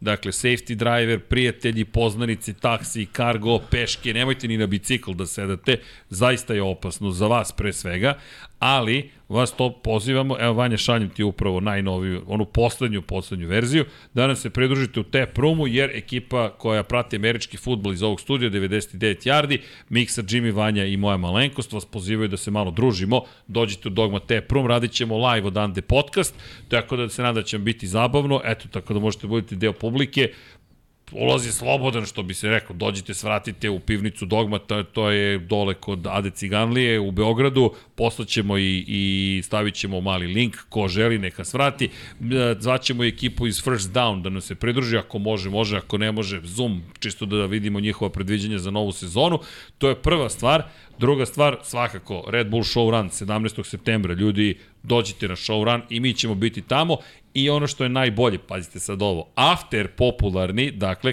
program traje od 13 časova do 15 časova, after je takođe gde Dogma Tap Room, pošto su naši drugari faški ekipa, inače veliki obožavalac Liverpoola, čovek koji jedno vreme vodio podcast koji se zove ja, neće podcast. Za tebe ćemo odvojiti Juventusov 100, može? Može. Može. Re, rešeno. Tako da znate, tako da vas pozivamo, uj, i 17. septembra u subotu od 16.00 na After posle Red Bull Show rana da sa ekipom Lab 76 se družite. Dakle, ovde nema baš prostora da sve koji dođu na Red Bull Show Run svrate, mislim da bi to bilo problematično, ali, evo, sad sam ubacio koleginici iz prodaje još jednu stvar. Naš studio, to je prodavnica u Svetogorskoj 46 će biti otvorena tog dana, Deki me gleda šokirano i slobodno svratite, kupite ako hoćete da podržite ekipu ili da nosite naše majice jer su modni i neverovatni detalji, kupite knjige Dekijeve i tako da. Ne, ne, ceo, ceo, ceo. Ceo, pa da, pa nemoj ovo, ovo je stara prikaz. Ono poslednje što si ti poslao. Vanja, ovo i ovu cenzuru ne, ne vredi. Nismo mi ta televizija, Vanja. Nismo neka druga ekipa. Dakle, ceo onaj stavi da ljudi vide, jer ovo nema, M ima rukavice, M nema šal, M nema gola, M je staro. Ja se ne znam, to prikazuješ ili ne? E to, ali možeš da ga suziš da ljudi vide cel, sve. Znaš, da, ga, da prikažemo ljudima ka to Vanja, evo kako će da izgleda SEK, 9,9% alkohola, Triple West Coast IPA, to je 99 yardi, Lab 76 neće proizvoditi ništa što ima veze sa alkoholom, može eventualno s nekim ko proizvodi 0,0 na pitke da proizvodi, mi trenutno nećemo se tim baviti, ali eto jednog dana ukoliko uspeju Infinity Lighthouse Dogma Brewery 99 yardi to vam je takozvana kolaboracija pa Ovo je Dasa zašto nosi osmicu? Zato što je to Infinity Lighthouse. Aha, aha. Da, vidiš. Zato što je to beskonačnost. Bravo, bravo, da, da, da. da. A zašto nosi 99 yardi? A, dobro. Zato što sekuje onoga koji ima broj 1. 99 plus 1 je 100 yardi. To ne vidim od kamere. 76 je to. Sve vidim, smo uradili, Pajo. Vidim 99 plus 76 i osmicu. A ove crvene Oma. ne vidim uopšte. Pod kapicom. da. Tako je, pod kapicom. I to ćemo da pravimo, samo polako. Ko može da pliva pravo posle piva zvano pod kapicom? Viš kakve ideje ima čovjek, a? Pa dobro, raspoložen sam, sme se Ivan, bar sam nekoga nasmio. Ne, ne, pa, da, pa ne, odlična ideja, stvarno. Tako da, eto, to vam je... Mi podržavamo, odobravamo. I ono što je, jel te, to su te neke stvari koje smem da najavim, i spremite se nedelju posle show rana, tokom radne nedelje će imati još jedno iznenađenje za vas. Eto, pratite I svi ste pozvani. I pa joj delimo dve karte za tribine za Red Bull show run, kako da ih podelimo? Tako što ću ja da odlučim ko će dobiti. Od, ti ćeš da odlučiš. Šalim se, ne, naravno. Evo je, pa, da, ali dobro, dobro pa, aj, smislit ćemo nešto, smislit ćemo, da. Tako da znate. Sad si me zatekao, ali smislit ćemo neku, neku, neku dobru opciju, da.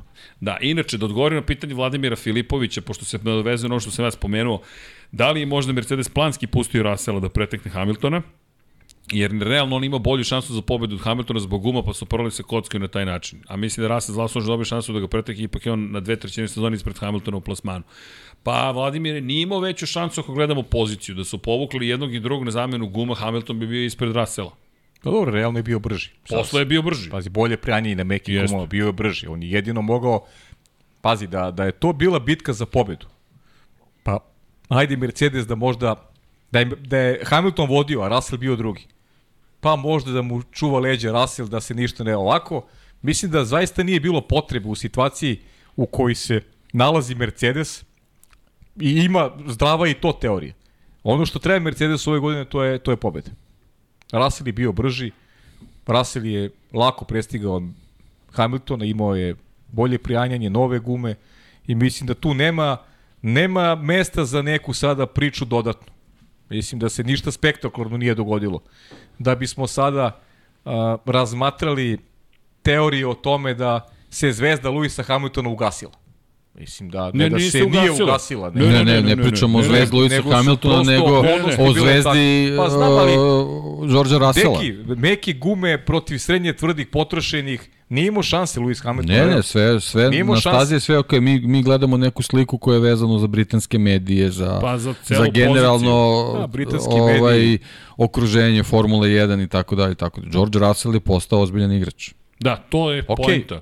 Inače, evo, To je Markan, poenta priče. Uopšte, uopšte Luisa Hamiltona iz te perspektive ne gledamo zašto ta situacija bila takva. Jedino što možemo da gledamo da, da se ponovo desila situacija da on nije bio agresivan u komunikaciji sa ekipom. I onda posle optužuje čitav tim Šta kako su ga pip, pip, pip, pip, pip. To već nije, nije prvi put da se dešava. A, dobro. Tako da eto, to je, to je samo ovaj, konotacija vezana za, za Luisa Hamiltona. Glavna priča je da je George Russell postao ozbiljan igrač. To je ono što je, što je, što je bitno u toj čitavoj Da, priči. i Markan koji je donirao inače 4,99 eura. Hvala Markane. Hvala. Ako Mercedes ne bude konkurentan sledeće godine, George, George će biti vozač broj 1, zato jer je to je tipu kao Luisu svejedno hoće li biti treći ili A peti ako ne može to je pobediti. poenta cele priče. To pričamo od početka To, to je godine. ono što ti pričaš. To smo rekli. To je da. ono što stalno To. pričamo, dakle, Lewis Hamilton, ukoliko se ukaže prilika pobeđuje, on će imati prednost i on je taj koji će doneti Mercedes u prvi triumf, ja sam ubeđen u to. Zato je meni I ova to trka... će i ove godine, Singapur, lepo si rekao, ne. zato što smo... Ma ti ja si rekao tipao Mađarska, nije se desilo, to su, Singapur je to su te staze gde, gde, gde može Mercedes, Singapur, nema, nema druge opcije. Oni u Monci neće biti ni blizu. To će opet da bude bitka Red Bulla i Ferrari. Čite Maxa Verstappena i Charles Leclerc. Evo, I čita ideja na potkonjaka iz Srđana Ercega. Znaš da, Da, mi da. oborio mi rekord u Monci. Za 3,5 Znači da sekunde. je vežbao. Pa nije Ma mnogo ne, vežbao. ne. Ne, a ti lagano to, a Monca, ti Moncu znaš ono mu reći. A da. Posle pritiska čitavog dana seo je. da, da, Seo i opustio se Jasno, i razbucao mi je vreme. Tako Možda da- stvari to recept. Čekaj, to bilo, Sediš to, to sam propustio večeras? Apsolutno. A, propustio sam Ne, to je bilo od pre, od pre nego što smo počeli. A, mhm. Warm up je to Neko je bio. gledao. To samo njih dvoje videli Da. i šokirali su se koliko je deki brz. Rekli su u prvom stepenu kroz prvo, a ja pokušavam u drugom da prođem. Predložit ćete uz- za Red Bull. Ne možeš zbog izlaska, mora Da, da, prvi mora bude. prva, mora prva, prvi. mora to je nekad bilo, Mika Stalno je išao kroz drugi. Tamo, Da. Tako je, tako je, ali dobro. To je stara, stara krivina bila. Da, vi samo po mojim godinama, neka, neka. Ali da, cela priča oko Đorđa, ja zato mislim da je mnogo bitna, jer ako su jurili stvarno prvu pobedu za Hamiltona, ovo bila neka šansa, ne bi mu ovo dozvolili. To je samo moja teorija, jer pa seti se, od prvog momenta kada je stigao Mercedes, Lewis Hamilton je imao prednost, čak i u odnosu na Rika Rosberga. Odmah su rekli Niku, skloni se Hamiltonu. Na početku njihove karijere, čak i kada nisu imali šanse da pobeđuju. Ali, činjenica, 10 godina prošlo, šest titula kasnije, 10 dodatnih. godine je prošlo kao tren. Tako je, Što bi rekao Tony Montana. Tako je, udrite like, udrite subscribe, udrite sve ostale dugmiće koje možete da udrite, udarite. Ja i dalje mislim da tu da nema velike priče. Dobro. Ali o tom potom vidjet ćemo, vreme će pokazati. E, ali bih se samo vratio kratko, iako je to malo s- silazak sa šampionata sa šampionata sveta, ali to je zapravo činjenica sledeća, a to je da mi imamo situaciju u kojoj, apropo Coltona Herte, Colton Herta, moje ubeđenje jeste da je veza sa Andretima i dalje Honda. I da to što Andreti koristi Hondu u šampionatu u IndyCaru je opet još jedna veza. Ne vidimo ovu vezu sa akademijom trkačkom, možda i to postoji, veća mi je mnogo veza Hondina zapravo priča, jer Honda hoće da se vrati u šampionat sveta sa sobstvenom ekipom. Deki, lepo si ti rekao, pitanje je da li ti za to treba italijanski tim, jer to je ono što jeste problem sa, sa, sa Alfa Tauri. Da, su više daleko od Daleko svega. si od Velike Britanije, šta ćeš tamo? Baš je daleko od svega. To je stari Minardi zapravo. Jeste. Znaš, E to, sad jedino infrastruktura, ako je to Red Bull malo ovaj, doteraju u pegla, nije loše imati već neki know-how, ali pitanje je koliko, koliko ta ekipa tehnološki može da prati ove neke druge timove suviše daleko zaista. Da, ali u svakom slučaju što se tiče Coltona Herte zanimljivo je, nadam se da neće dobiti li super licencu bez određenog Tako je, posla. apsolutno ne. se nadam jer to je loše za sport, ceo, celokupan automotosport, kada je dobije, super, neka dođe u Alfa Tauri i da vidimo onda šta će se desiti, Andreti možda onda preuzme do 2026. ekipu, ali da. da se vratimo i mi na, na sadašnjost, naš čeka Monca, pazi, ti si rekao, sad idemo na kraljicu brzini, idemo u italijanski dom. Ono što je pozitivno, Charles Leclerc na kraju bio na pobedničkom postolju, mada. Stice okolnosti. Stice okolnosti. Ljudi, njemu je ugroženo bilo, ugrožen je bio plasman na pobedničkom postolju. Ma, ne bi bio na podijumu da nije, da nije bilo vozila bezbednosti. I opet te famozne tvrde gume, shvatili smo se za glavu opet u, u kabini. E, ali koliko je on čak bio sporiji od Carlosa Sainca, i to, i to isto Ma. čudno. Oni od Belgije, inače, od kad je nova pogonska jedinica uvedena u Ferrari, od kada je novi pravilnik stupio na snagu, Ferrari dobija informacije povratne od vozača da se bolid potpuno drugačije ponaša na srednje tvrdim gumama, na tvrdim gumama. I to je ozbiljan problem. Pre čemu je Binotto rekao, mi znamo da pravilnik nije uticao na nas, ali ne znamo šta utiče na nas. I oni nemaju trenutno nikakav odgovor. Ja, ja sad opet šok, šokiranje Binotovim izjavama, mislim da je, da je to, to je već prevaziđeno, ali on je bukvalno rekao mi ne znamo zašto se ovo događa. Tako da Ferrari mislim da je baš ozbiljnim problemima i mislim da ovde Red Bull bi mogao da ostvari dvostruku pobedu čak sa Perezom. To da, je moj može, mišljenje. Mislim, može naravno. A realno, realno već su šanse Red Bulla da, da budemo iskreni, ali Ferrari jedini tim koji može da ih ugrozi. Bilo šta da ugla, da. Na ovoj stazi na pravoj trkačkoj mislim da da Ferrari ima veće šanse od Mercedesa, da Mercedes ovde kažem, to je moje mišljenje, nema nema neke prilika da da ponovi rezultat iz Antvorta, ali ajde o tom potom vidjet ćemo kako će to izgledati. I očekujem očekujem duel između Maxa i Leclerc. To je to je moje viđenje. Ipak misliš da će ba, da će da će mislim da će da će njih dvojica da tako je, da će njih dvojica voditi duel za pobedu. A Ferrari, ne znam, posle onog zaboravio sam točak i gumu sam zaboravio one priče, to je jezivo u Ferrariju šta se dešava, to je neverovatno da da može tim takvog profila, takve tradicije, istorije da, da, da izgleda onako je tragikomedija, zaista. Ne znam, znaš, imaš samo jedan zadatak, da, da poneseš gumu. Pazi. I ti to ne uradiš. Mislim, znaš, to ti je, ko je to, ko je to osustvo od neke koncentracije i pa Pričali smo o tome pre što si došao, to da, je, da, da. Ne, ne mogu da verujem prosto. A zato je Deki rekao, ti moraš da menjaš za... tog čoveka koji A te mor, organizuje. Moraš da, moraš da menjaš sve. Znaš, moraš da menjaš sve, jer to je utopija, je, znaš. Ja mogu da zamislim kako su osjećaju momci posle, posle takvih gluposti koje vide, koje dožive. Znaš, ti uradiš sve da, da ti rezultati budu dobri i onda ti neko pokvari time što je zaboravio da ponese gumu. Čovječe, to je jedino što treba. Mesto. Da li zaboraviš da odiš na kasu? Da li naš... zaboraviš na kasu da odiš prvog? Ne zaboraviš izjava je, izjava je da, da, da je opravdanje zato što se desila odluka u poslednjem trenutku da se skrenu u boks. Znači, da, poslednji, poslednji trenutak je kad skrenu obojica vozača i onda vidiš mehaničari u drugim ekipama Strašno. ranije godine kako trče da, zato što nisu stigli, ali, ali dolazak Ne, ne znam, mislim, meni ono stvarno ne, ne znam kako bih to ovaj, Pa znam, ali kako može da neko izjavi uopšte da je, da. da je to iznenađenje? To je trka Formula 1, to je bukvalno opis trke Formula 1, da ti Ferrari, budeš spreman za najbržu moguću reakciju svakog trenutka. Ferrari ima problem da. sa, sa organizacijom, to je mnogo veći problem, mi pričamo o Lecleru i Saincu, oni su mnogo manji problem. Pritom, znaš, te, te gume nego, ne, nego, ne donose se one, ne znamo dakle, znači da. svaka garaža ima jedan improvizovani zid koji se donosi tokom Grand Prix trke iza kojeg se nalazi prostorija gde se nalaze pneumatici koji su sortirani po, po, po setovima. Znam, Mislim, pro, potpuno je neverovatno da, da prvo osoba koja, koja je zadužen za to Tako zaboravi da, da, da ode po Ne, ti si došao po bez, gumu, da. bez gume. Šta sad, mislim, da li je moguće? Pa ne, vidi, ima da to priča. Da. da, ne, ne, ne, ali meni je najbolji, izvinjam se zašto se smijem, ali komentar Carlosa Sainca, oh my god. Da o moj, bo, on čovek zna, pri čemu Niko Rosberg, inače šampion sveta iz 2016. se oglasio i rekao da timovi Formule 2 i Formule 3 imaju bolju strategiju. Čisto se razumemo, u Formuli 3 čak ni nemate obaveznu zamenu guma, tako da to ne da, nemaš sarkastično, da, dvojici nego... nema, dvojici imaš samo u glavnoj trci, ali opet, opet takve stvari se ne dešavaju. Vidimo ne, svašta, ali to da neko zaboravi gumu, mislim. Stvarno. I, I to što Ferrari. si rekao, da da su oni pogrešili zato što je to bio kasni poziv da se uđe i da je to bila puka reakcija na ono što se dešava na stazi. Ja ne razumem. Znaš kako je to opis posla?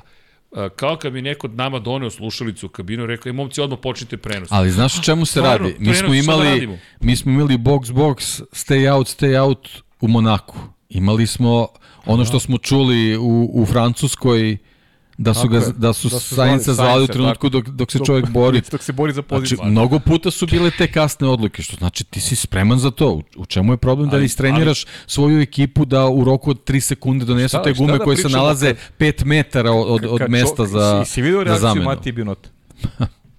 Ovako se okrenuo, pogled i vratio se nazad, kao da se ništa nije dogodilo. Pa Pazi, spominjali smo, spominjali smo a Total nije Alpha, slušao, da. čisto da, Da. znate, Pričali ste, mi da. se, Jeste A, to da, ali da, to je da. Deki isto Znači da, se, izjavio. znači da Da. se dobro poznajemo Pa sad. sva vidi, pa ne, ali to je najbolje od svega. Evo, ljudi su ovde Da, videli... ka- okrenuo se onako, Je- jeste videli kako kao se spremamo? čovjek se okrenuo.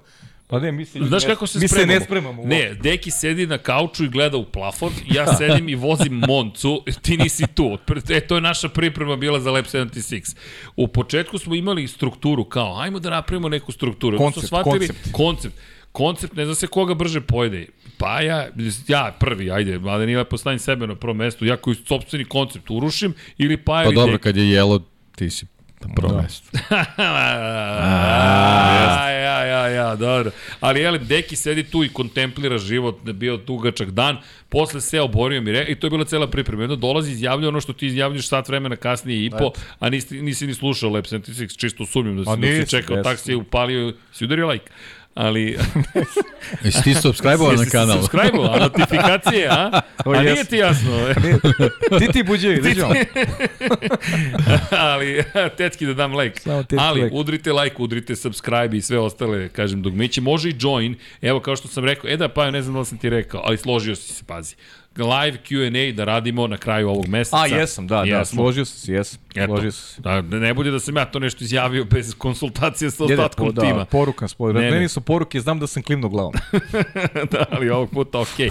Tako da, ko bude deo član e, ekipe youtubera ili na Patreonu, patreon.com kroz Infinity Lighthouse, pravimo Q&A, pitajte na šta pričamo ovako iz zatvorenih vrata, to neće ići u, u eter, bar se nadam da nećete pustiti to u eter. Ali, da se mi vratimo sada ovoj priči, posle lajkova i subscribe-ova. Pa da, tu smo stali do, do Pazi, tog meni govori o komunikaciji. Binota Jer šta, šta govori o komunikaciji? Ako si ti organizovao tim koji će reagovati isključivo ako ima mnogo vremena, to znači da ti i dalje, ono što je Deki upravo rekao, ti se i dalje ne ponašaš u skladu sa onim što se zbiva oko tebe. Tebe, ti se boriš, i izgovor je bio sledeći, videli smo Mercedesovu ekipu mehaničar, pa smo mi zato reagovali. A kažu upravo, a na stazi se borimo protiv Mercedesa. Ne razumem. Nemate praksu da kažete budite u pripravnosti u narednih pet krugova. Pa ne, dobro, nego momci sedite kod Deki vidi, nije, i ja, nije pa stvar će biti prakse, sve u redu. stvar je, stvar je, pričali smo o Red Bullu, postoje procedure. Tako je, ali Red Bull, evo, to je jedan od komentara koji je super bio, koji je napisan u, u autosportu. Komentar za Red Bull. Red Bull se pojavio kao firma koja se super zeza, to su žurke, provodi i tako dalje. Ljudi, to je tako strukturirana organizacija, kao vojska. Zezanje Red Bull ide ka šestoj tituli za Bukval- Ne, zezanje je procedura. Od 15.30 do 16.30 se zeza. Koliko ima Ferrari titula? U tom periodu. Pa ne, nego generalno, ukupno. u, u istoriji. O, čekaj, A ja ne znam pričamo napad. o Pa možemo da gledamo procenat Pa uspešnosti. to ti kažem, eto, šest titula za koliko? Od perioda od kad su se pojavili nekoj dekadi, malo od, više od 10 od, godina. od kad Fernando Alonso nije htio da vozi kad za Fernando. Alonso nije hteo. Znaš šta može, uh, uh, ako Matija Binotto uh, Ferrari bude, ima 16. bude smenjen, ako Matija Binotto bude smenjen, to Peta. daje, daje neku nadu u Ferrariju da će biti bolje. 4 plus 1 već imaju. Ne, ne, ne, za vozače, ali on za što- vozače. Ne, ne, pričam za vozače. pričamo za za vozače. pričam, za Da, vozače. da, da. da. Ako Matija Binotto bude otišao, Ferrari ima neku, neku šansu. Da, da li će biti kozmetička god, navijači Ferrari mogu da se nadaju Mislim da nešto. nije, Ako nije, Binotto ostane, nemaju nikakve mislim šanse. da nije toliki problem u Binotu koliko do tog drugog čoveka koji je definitivno neophodan u modernoj Formuli 1. Ne može Binotto voditi. Uh, Matija Binotto je odličan posao radio vezan za, za razvoj motora. Ok, I to, je njegov posao, on je to radio u, re, u eri Mihajla Šumahira. to smo pričali. To Ali- treba da radi i dalje. Ali on ne može da, da organizuje ovu ostalu Upravo strukturu, to, je, a to je u stvari to. problem. Ali samo o tome pričam. Da. Da. Ok, Binotto neka se vrati svoj, da bude smenjen svoje pozicije. On ne može da vodi tim. Ne može da vodi tim. Ne, to smo zaključili Stvarno, prošlog puta, ne, ne, ne, ne, da ne, ne ponavljamo, prosto smešno. ljudi, to je jasno, ali postoje sve jasnije koliki to postoje sada raspad sistema. Jer vidi, ti se spremaš za Moncu, ti si imao četiri nedelje pauze, to je druga trka u nizu, svi najavljujemo triling trka u kojima moraš biti najfokusiraniji, najspremniji. Bukvalno da reaguješ u deliću sekunde i ti onda kažeš, e pa reagovali smo u deliću sekunde, zato smo izgubili. I onda povrh svega ovo što si rekao, Pa pa da, reakcija to je to potpuno su bez emocije. su Deki je spomenuo potpuno. Tota Wolfa koji lomi slušalice. Ti čak i kod Tota Wolfa vidiš neku emociju. Neko se iznervirao i ono što je Deki lepo rekao, nisi to čuo, to je poruka i onima koji su ispod tebe. Pa da, naravno. Ljudi, ovo nije okej. Okay. Kod Binota je... Pa e, čekaj, kad, kad da radiš nešto, kad nešto radiš, moraš da imaš emociju. Moraš Trebalo da daš bi. neki primer, pogotovo ako si ti neki lider, ti si šef tima. Ti moraš da imaš, ti moraš da budeš malo i kritičan, ne možeš da guraš stvari ispod tepiha i da stalno govoriš kako je sve u redu. Kako poruku šalješ da je sve u redu, a, a, a ceo svet vidi da ništa nije u redu. Pa ne može da bude sve u redu, ti mehaničar zaboravi gumu da donese na... Kako je to sve u redu, ne razumem. Mislim, to, to ne da nije u redu, nego to je, to je za neku reakciju. hajde to, moraš da, nego- mora nego ti imaš- neku nervozu, nešto ti da imaš ti je stalo. de da- svako pored okrene ekrana- lagano i gleda, ok, Nije kao- samo poenta u tome, to, to, je, to je kiks, ali, ali je poenta da, da, da ceo svet koji je pored ekrana vidi da tvrde gume ne funkcionišu. To je, to je mnogo, posebna mnogo priča. veći problem. Mislim, ovo što se desilo Ma- Carlosu Saincu je onako sve je vezano. baš Ma tragikomično. problem je, ljudi, To je dešava problem. Dešava se iz nedelju u nedelju Tako je. se dešava. prva, prvi put ka izlečenju je da prihvatiš da problem postoji. To je, to je Tako je. staro pravilo u bilo kojoj grani medicine. Nećeš ne verovati priznaje da, da, da, o, postoji tome, problem. o tome pričam ceo dan, kroz ovu waterpolo priču. Ok, da ne budeš dobar, da nemaš rezultat. Poenta je da budeš iskren u komunikaciji i da rešiš problem. Tako Ako je. guraš problem po tepih, nećeš ga nikad rešiti. Nikada. On će se javiti na sledećem takmičenju. Javit će se u sledećoj trci iz perspektive Ferrarija. Samo iskren odnos i priča o tome šta su uzroci problema, kako da ih rešimo, možete gurne napred. Ako ćeš to da, da predstavljaš i da se ponašaš kao da je sve u redu, pa ti ćeš onda iz, iz nedelju u nedelju da srljaš u sve veći problem dok ne doživiš potpuni debakl. I Ne, to, ti na kraju to je živiš u jedini, svojoj jedini, laži. Pa to je jedini ni ne znaš proces, gde da ideš dalje. jedini normalan proces koji mora da postoji u svakom segmentu života, nekih odnosa na, na, na, na bilo tom ko. nivou. Pa da, bilo sa ko, generalno. prijateljima, sa, sa Tako je. ajde, ljubavnicima, mislim, sa ljubavima Ma, ma koje imate, sve, sa kime god. sve. Znači, Dakle, mora, mora da se reši nekim iskrenim razgovorom. Tako je. I, i, i- nekim jasnim stavom kako ćemo to, kako Vidi. ćemo da rešimo. A Ferrari, generalno, stalno je postavka ta. Iz nedelju u nedelju su problemi, a ti predstavljaš... Problemi na svim nivoima. Ma da, a sve Na kao svim okej. nivoima, Pa to je može problem. Tako. Zato sad čekamo da vidimo šta će u Monci A to je glava. Ja, ja pričam, to je glava. pričam taj- o borbi Red Bulla i Ferrarija. Dole. Ali, ali čekaj, da, da, da li očekujemo da, da Ferrari da će Evo, opet napraviti neku glupost? Šta sam Pajo rekao? Da, da, ja sam tipovo da neće napraviti, da će to biti šok ove trke. Nije se desilo. Bukvalno se nije desilo. Ja čak sad ne mogu, ne smijem ni da izvijem, osjećaću se, osjećaću se glupo. Ako izvijem, e sad da, neće mi- pogoditi. mi Sad sad- čekam trku kada neće pogrešiti. Pazi, mi sad više i želimo da se da se to ne desi da bismo imali dobru trku nego nego što verujemo da će Ferrari nešto uraditi kvalitetno. To je sad već ono Da. želja svih nas koji volimo ovaj sport da trke budu interesantnije, a znamo da Ferrari generalno ima potencijal. A daj ti potopiš svoje potencijal. vozače, ti u kvalifikacijama pokažeš da ti staza odgovara više nego što ti odgovarala Belgija. Dakle, ono što smo i rekli, kada dođemo u Zandvort možda će biti drugačija priča. Kraća staza, više krivina, mnogo veći nivo ni, negativnog uzgona. Dakle, ti imaš aerodinamički pritisak koji ti pomaže da ti bolid bude konkurentniji i ti dođeš u situaciju i ovako, spališ sve, sve to što si Bukvalno. učinio. A ovo što si rekao za iskrenost, bukvalno to je, nekog voliš, devojku, Kažeš, ej, vidi, sad ću da te lažem. Šta ćeš da postigneš? Nemam pojma. Voliš brata, aj sad ga lažem. Šta ćeš da postigneš? Ne znam. Jer će problem samo ovako da naraste u jednom momentu Svi ste svesni da gomilaš. problem postoji, ali be, pravimo se da ne postoji, to ti je nova Na- norma. Napravi se jedna gomila, jedna gomila problema, gomila ovaj, neobavljenog posla. Haos. Jer, jer svaka nova sitna laž ili svaki novi problem koji se pojavi, on, on u suštini raste, postaje sve veći. I, i to je neki... Pa jeste, to je ali, Ferrari ali znaš kako, godine. ne pričam ja sad u odbranu Matije Binotto uopšte, nego jednostavno, opet da se vratimo, pogledaš, pogledaš Ti pit tražiš wall, rešenje, pogledaš pit te. wall Red Bulla. Na Okej. pit wallu Red Bulla sedi Adrian Newey, čovjek koji je zadužen za performansu automobila. Sedi, Sedi Jonathan Whitley, sportski direktor. sportski direktor koji Sedi- ima svoje zaduženje. Tako, Christian Horner sedi. Dobro, njega sam htio ostati na kraju. I Hanna Schmidt. Hanna Schmitz koja je zadužena za strategiju i, i Christian Horner koji je zadužen da to sve funkcioniše. Matija Binotto je u ovom trenutku potpuno sam. Sam, tako je. To si lepo rekao. sam je eksponiran, a definitivno i sam u Ferrariju. Znači, tamo ne postoji ni jedna osoba koja se istakla, osim, zaboravim stalno ime, Rueda. e, taj gospodin, ga se je istakao, prosto se strašno istakao se izuzetno. razumeš, ko- koji, koji je uh, kroz svaku trku, bukvalno ove sezone, pokazao da, da pitam- jednostavno nema, nema kapacitet da, da to iznese. Ko je Sad- doveo Injaki Ruedu? Pa ja ne znam ko je doveo. E, Znači ja ne znam da li je, e, da li je Matija Binotto vojnik Ferrarija, što kroz istoriju Ferrarija postoji velika mogućnost da jeste. Tako da je u stvari dobio ekipu sa kojom rukovodi. On definitivno nije napravio tim uh, koji dobro funkcioniše, ali je veliko pitanje da li ga on uopšte napravi. A samo te pitam, da li Matija Binotto kao neko ko je prvi čovek tog tima može da kaže na osnovu uzoraka koji ima, a vi, svi, svi mi to vidimo da loše funkcioniše i Njaki Rueda taktika koju on pravi za trku i očina. I može to da kaže kao neko je šef tima. Verovatno može, ali je Može. pitanje da li može nešto da uradi povodom toga. To je pitanje. E, pa kad nešto ne je da uradiš pitanje. u, u takvom timu, onda šta uradiš? Pa kažeš, ljudi, ja ne mogu ništa promenim, ja sam doviđenja prijatno. Ljudi, on je sport, To on je, je, on je, to je u ovom trenutku jedino rešenje. Pa, jedino, ali ljudi, A to, to sam čovjek Znaš, treba da kaže. Ako je. si ti nemoćan da rešiš nešto, ako se tvoj reč ne sluša, pa šta radiš? Ti, ti si, Ne. šta si ti? A, sediš kao, ne znam, maska si tamo ovaj, za... Ali ja ti kažem, ako je Matija Binotto doveo do toga da Ferrari ima ovako dobre motore kakve imaju, nije rešenje da, da i on ode. Okej, Jel pitanje da li ćeš naći nekog A to tako je kvalitetnog sve u redu, Pa a je to i rekao, pričamo. Ajmo, ajmo da ga... Ajmo, ajmo, ajmo, da ga, ajmo da Ej, ga onda ljudi, stavimo da radi ono što zna da radi. Rueda ra, vodi strategiju Ferrari od gde ono je- 2014. Ma, gde- Čisto da se razumemo. Pa da, pa. O, I ti ga ne smenjuješ.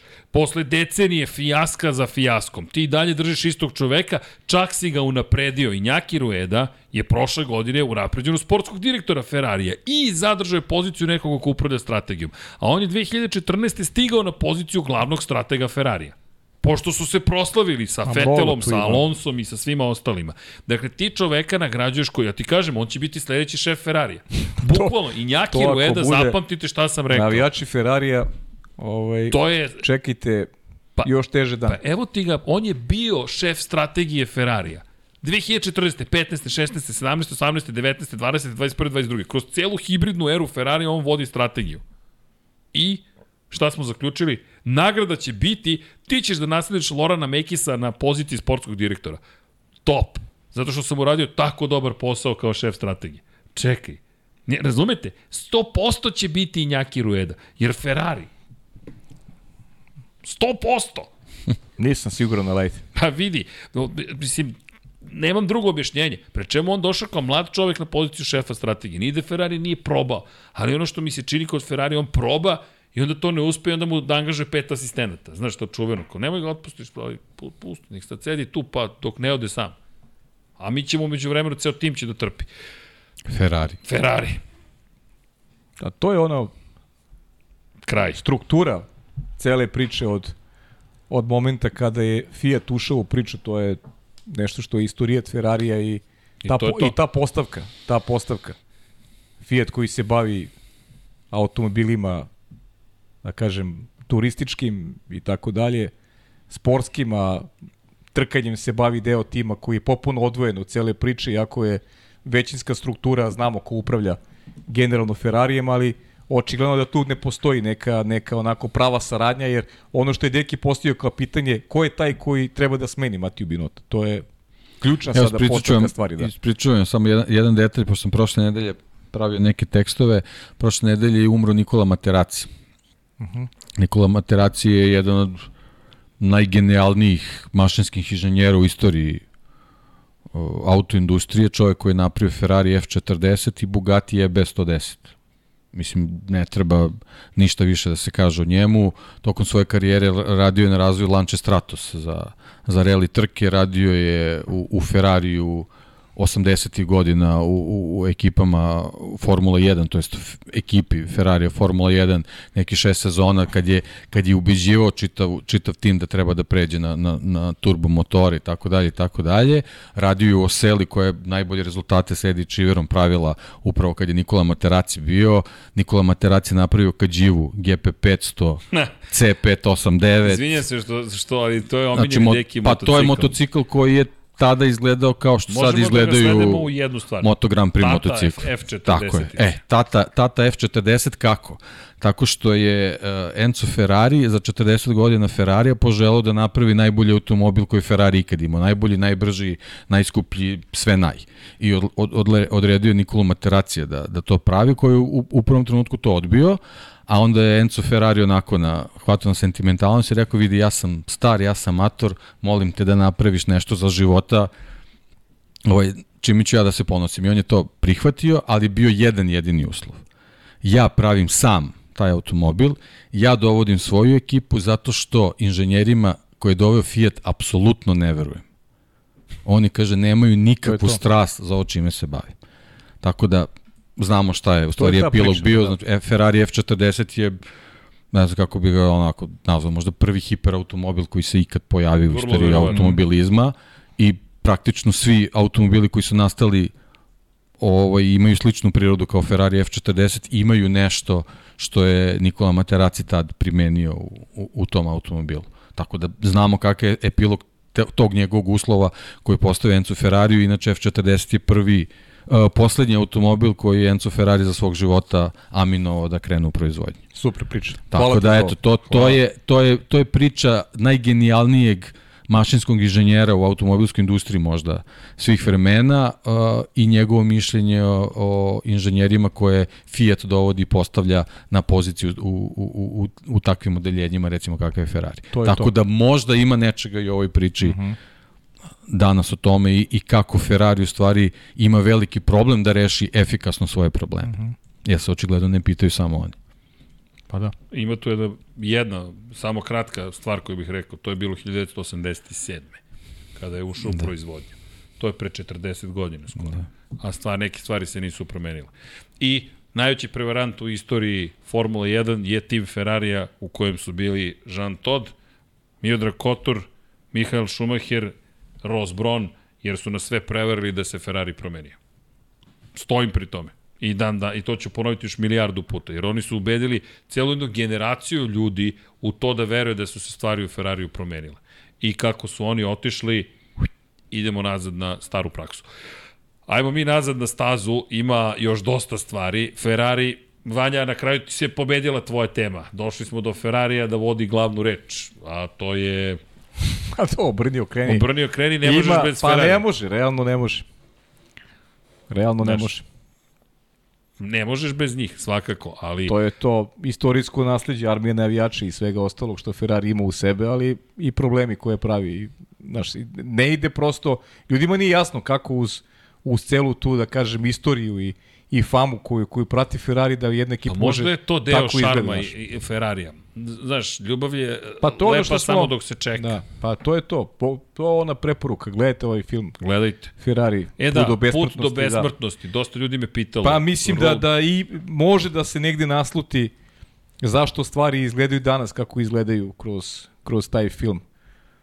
Davnih dana se sve to odigralo, a neki koncept Ferrarija i tada Postavljen. je bio, je bio onako poprilično, poprilično mnogima, mnogima ovaj nefunkcionalan ili ili kako god a, previše romantičan, ali prosto to je Ferrari. Da ne ponavljam ponovo, Ferrari. Da. Po peti put tačka. Ali ima ovde još dosta ozbiljnih proizvođača. Jedan od njih je Renault, ako bih smeo da spomenem njih pre nego što se prebacimo na još neke priče. Zašto? Ja mislim da su ljudi u Alpini odradili neverovatan posao u trci. Što Fernando Alonso, što je Esteban Okon, obojica osvajaju poene, ponovo Jurnjeva, Fernando Alonso rekao da za mene je ovo bilo 70 kvalifikacionih krugova, ne bismo li se vratili na ovu poziciju. Deseti put za redom u poenima. Deseti put za redom. Pazi, šesta pozicija, deveti je Okon bio, novi poeni, McLaren sada, da li uopšte više pričamo o nekom duelu između njih? Pričamo, zašto nije? Nije to velika razlika. Poena. Pa nije to velika razlika. To može da se niveliše. Ne, ne izgleda tako s obzirom na na formu pre svega Ricarda koji i dalje ima te, te ogromne zaostatke odnosu na Norisa. Ono što je prednost, eh, Alpine ima dva konstantna vozača. Da. Dva vozača koji jako dobro vozi. Peta trka za Ajde da se ne pondeljamo, hvalimo i Esteban Okona koji je zaista sjajan i neko ko će narednih godina možda biti lider tog tima. Loše kvalifikacije su apsolutno anuli, Tako je, anulirali ali su ih. trka, trka fantastična iz percepcije oba vozača. Mislim, nema, nema šta da se kaže. To su neki dometi realni. Pogotovo Fernando Alonso koji sada konstantno ima utisak da on prosto to je to, to je plafon. Plafon. pazi to što on ostvari, to je plafon. U poslednje tri trke, dva puta u Mađarskoj i Holandiji se desilo da vodećih devet u šampionatu sveta završi trku među osvačima poena, plus neko ko je dodatak u celoj priči. Kevin Magnussen u Mađarskoj i Lance Stroll sada u Holandiji. Vodećih devet, neverovatna konzistentnost u A osvajanju zar poena. nismo rekli na početku sezone da da će to da je to anomalija u, u nekim rezultatima pre svega Alfa Romeo pa i Hasa da oni neće moći da drže tu neku konstantnost koju su imali da će da se profilišu te ekipe koje su prosto i kvalitetnije i ima, imaju i bolje inženjere, imaju, Pa imaju i bolji budžet, pristup, budžeti, budžeti naravno. generalno. Sve to, sve to utiče da gledamo I u drugom Haas i Alfa. Romeo muče muku sa delovima, tako Pa da, da, i, i potpuno je to je realno. realno je to suviše što gledamo. duga sezona. Jeste. Da. I imaš situaciju u kojoj dolazimo do toga da zapravo kada pogledaš McLaren, oni su ti koji zapravo jedini nisu kons konstantni dovoljno. Pa zato što- Četiri tima plus Lando Pa, Norris. zbog Ricarda. Da, da, Ricardo je taj Ajde da budemo koji, iskreni do koji kraja. štrči. Ricardo baš trči. Jer ako Landom Norris može, zašto ne može Ricardo? I to je pitanje, pitanje za 2022. kompletnu, jer Ricardo je mnogo sporiji od Landa. Pa, pazi, u poslednje tri trke nije osvojio poene. 15. 15. A, to, to, 17. to možda košta na kraju, jer ta konstantnost Okona i, i, i Alonsa pravi razliku u korist u korist Alpine. Kažem, M će nije dobiti manje novca u, u, u, u, u šampionatu konstruktora, M će još njega morati da isplati. A, Baš ih debelo košta. Ne znam da li si Baš ti, košta, ja, da. da. negde sam vidio da je 10 miliona na kraju košta a, McLaren taj, nije 21 kao Kako što... god, pa nije ali uopšte okej, bitno. ali ali eto košta ih Uopšte to i bitno. koštaće ih i angažman To Pjastija. će na, na zimu da vidite kad budu Tako je. pripremali boli za sledeću sezonu šta znači taj novac. Ali mislim mislim da je dobro uložen novac u angažman Oskara Pjastrija. Mislim da je to dobro U uložen svakom novac. slučaju ja sam za, za mlađe vozače, mislim da Daniel. Ricardo ne znam po čemu, osim što je simpatičan, ovaj, zaslužuje da više Uvek bude u nasmejan. formulu. Da, Jeste. to je ono. Ima neku harizmu, ali Tako je, ali to nije dovoljno. može harizmu i izvan staze da ovaj Tako je. Pa vidi, bio je, pokazuje. bio je brz, bio je mlad, to je ono sve što ti je potrebno da dobiješ neke prilike, dobio je prilike, nije ih iskoristio. Ili, Znaš šta je interesantno tu loše Što ja, što ja mislim da da je on pričali smo o tome tim ugovorima, malim ugovorima koji ima. Da Moguće. je, da je Ricardo negde odlaskom iz Red Bulla možda i postao svestan da, da je nestala prilika da se bori za titulu, da mu je bilo važno da te godine provedene u Formuli 1 da konačno i naplati. I to je neki moj utisak. E, se sećaš se koje je to koja je to razlika bila u ugovorima između Maxa i Ricarda u ono vreme. Iako je Max kao klinac došao u Red Bull, Max je imao mnogo veći ugovor od Daniela i, i Daniel je negde gledao da tu svoju karijeru, ako već nema titule, da je naplati. I eto, naplatio je u krajnjem slučaju i ne verujem.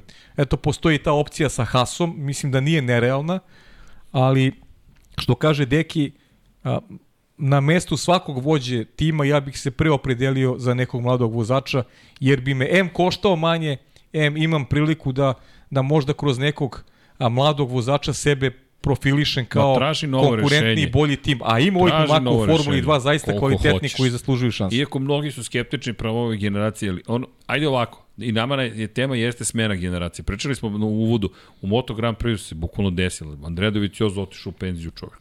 I Jorge Lorenzo koji tweetuje, to je to, smena generacija. I ti gledaš Bastianinija, gledaš Banjaju, gledaš neke nove klince kako se bore za pobede. Pa dobro. U Formuli 1 na prve tri Ciklus, pozicije. logično. Tako je, Verstappen, Russell, Leclerc, to je plasman na pobedničkom postolju. Ovako ili onako. Samo Norris to je to. nedostaje. Samo Norris Da. nedostaje. Jeste. Bukvalno samo Norris.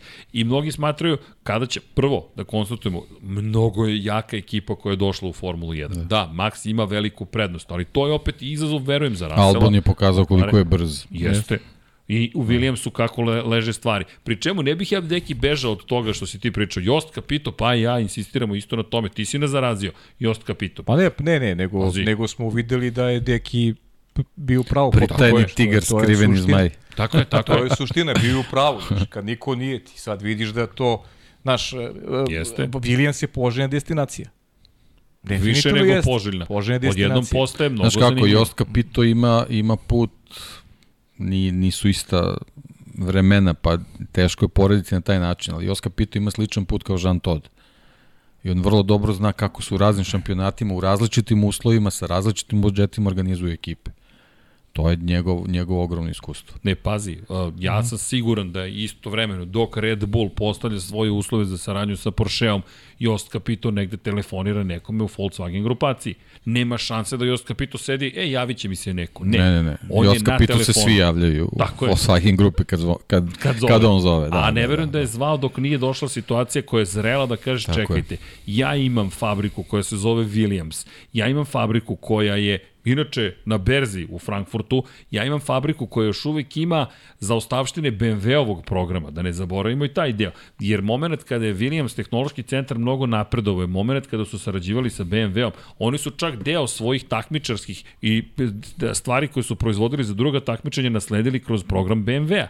Imamo još jednu bitnu stvar u toj cijeloj priči. Pričamo i dalje o ekipi Williamsa. Koliko god je ona danas zaboravljena, taj tim ima, kad odeš tamo, imao sam stvarno bizarnu privilegiju i čudana vra, otvorena vrata da budem u, ne znam, kancelariji Claire Williams. To kad smo sa Rokitom hteli da sarađujemo, Rokit koji je ušao na tržište, pozdrav za ekipu iz Rokita, oni nas zvali, ej, možemo, mi, mi smo glavni sponsor, to mi je najžalije sponzorstvo koje je propalo, pošto je to bio prvi tim sa ovih prostora, Rokit, lokalni, balkanski, koji je rekao, ej, super, ajde dođite da upoznate izvršnog direktora Rokita, Claire Williams i da nešto radimo sledeće godine. E, da. sledeća godina Emo su otkazali ugovorem, došao Da. COVID. Eto sad to Ali- kad si spomenuo, izvini samo, inače taj Williams ima više osvojenih vozačkih titula od Red Bulla, Ma, Williams, koji je sad sedam Dobro, titula da. šampiona sveta je osvojio. 80. 82. 7. 2. 92. 3. 6. i 7. Dakle, mi govorimo o sedam titula šampiona sveta. Ta isti Williams je tim koji je imao jedno vreme rekord po uzastopnim titulama u šampionatu konstruktora. Dakle, mi govorimo o ekipi koja je zaista impresivna. Devet titula šampiona konstruktora. Ne postoji, Mercedes nije uspešniji od Williamsa, McLaren nije uspešniji od Williamsa po pitanju konstruktorskih titula. Jedini tim koji ih ima više je Ferrari sa 16. I ti sad taj tim, kao što su ovi oživjeli ljudi neku drugu istoriju, oživljavaš neku istoriju. Možeš da I sad oživiš. ponovo vraćamo se na priču nesrećnog Matije Binota. U vreme uspeha Williamsa na zidu su sedeli Frank Williams, Patrick Head i Adrian Newey. Ne može jedan čovjek da vodi čitavu Znam, priču. deki, ali- ne može nikako. Ali ja ne, ne, Pri tom on ne nema- znaš šta je- teoriju nesrećni Matija Ne, ne, ma sve je okej, nego Ne- znaš ne o čemu se radi? zidu Ma, ako sam sačekaj sam, samo ako da ne ti kažem, znaš o čemu se radi? On, on o, čak nema ni potpuno odvezane ruke. Ali ja mislim da... On je pa ja zaposlen više- tamo. Ja, a, ja te Deki, razumem. Ja, te- ja ali- kapiram, ali ja neću da dozvolim da ja budem obeležen. Nemam nikakvu podršku Ti da ja nećeš, idem. ja neću, Idem. on neće.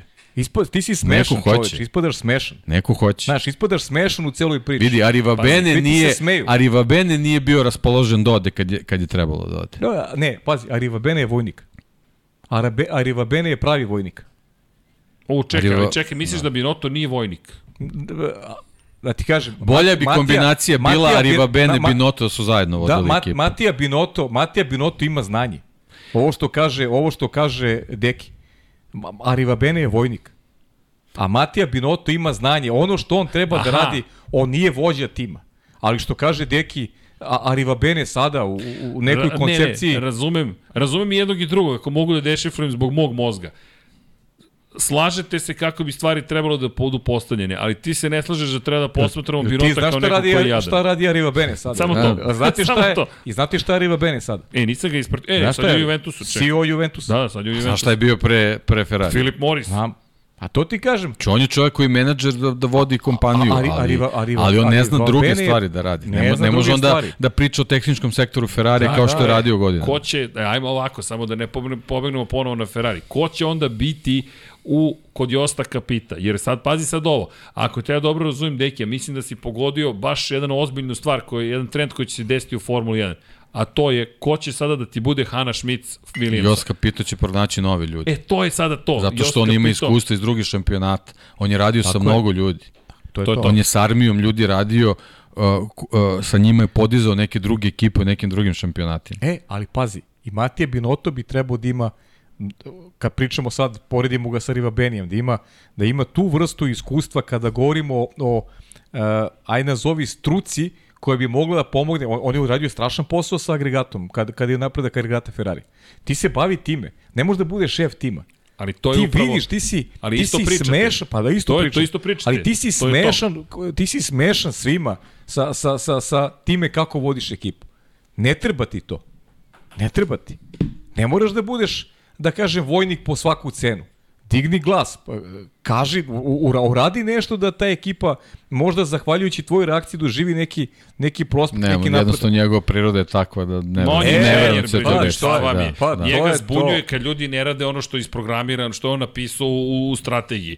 Ti uradiš to i to se ne desi, on ne zna kako s tim ljudima da komunicira. A Riva Bene zna, ali to smo se, vraćamo se na priču iz prethodnog podcasta. Aprilia, MotoGP.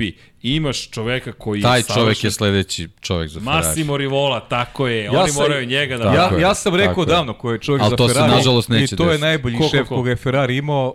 I, Aha, Stefano Domenicali. Tako je.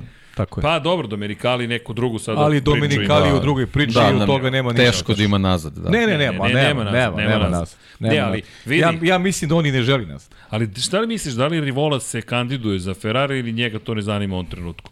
Ima priču sa Aprilijom koju mora završiti. Da li bi ti odbio poziv Ferrari? Ne. Jednostavno je. A što misliš, zašto je obukao ovu crvenu majicu? On se preporučuje. Poslao sam vam CV. Deki, on se preporučuje. Poslao sam CV u Maranello. Crvena majica i insistira pričamo o Ferrari u Ali cijeloj samo emisiji. ti Pa kažem to, nešto. To je, znaš, ali da ti nije Pajo, jasno. Pajo, ali ti, ti ne shvataš. Ja sam im poslao ovu, možeš četvorku, Vanja. Ja sam im ovu fotografiju poslao. Da. Ja dolazim sa njima dvojicu. Aha. Ovaj Znači, je zadužen za aha. ljude. Ja pravim Ferrari Energy Station, samo to zanima.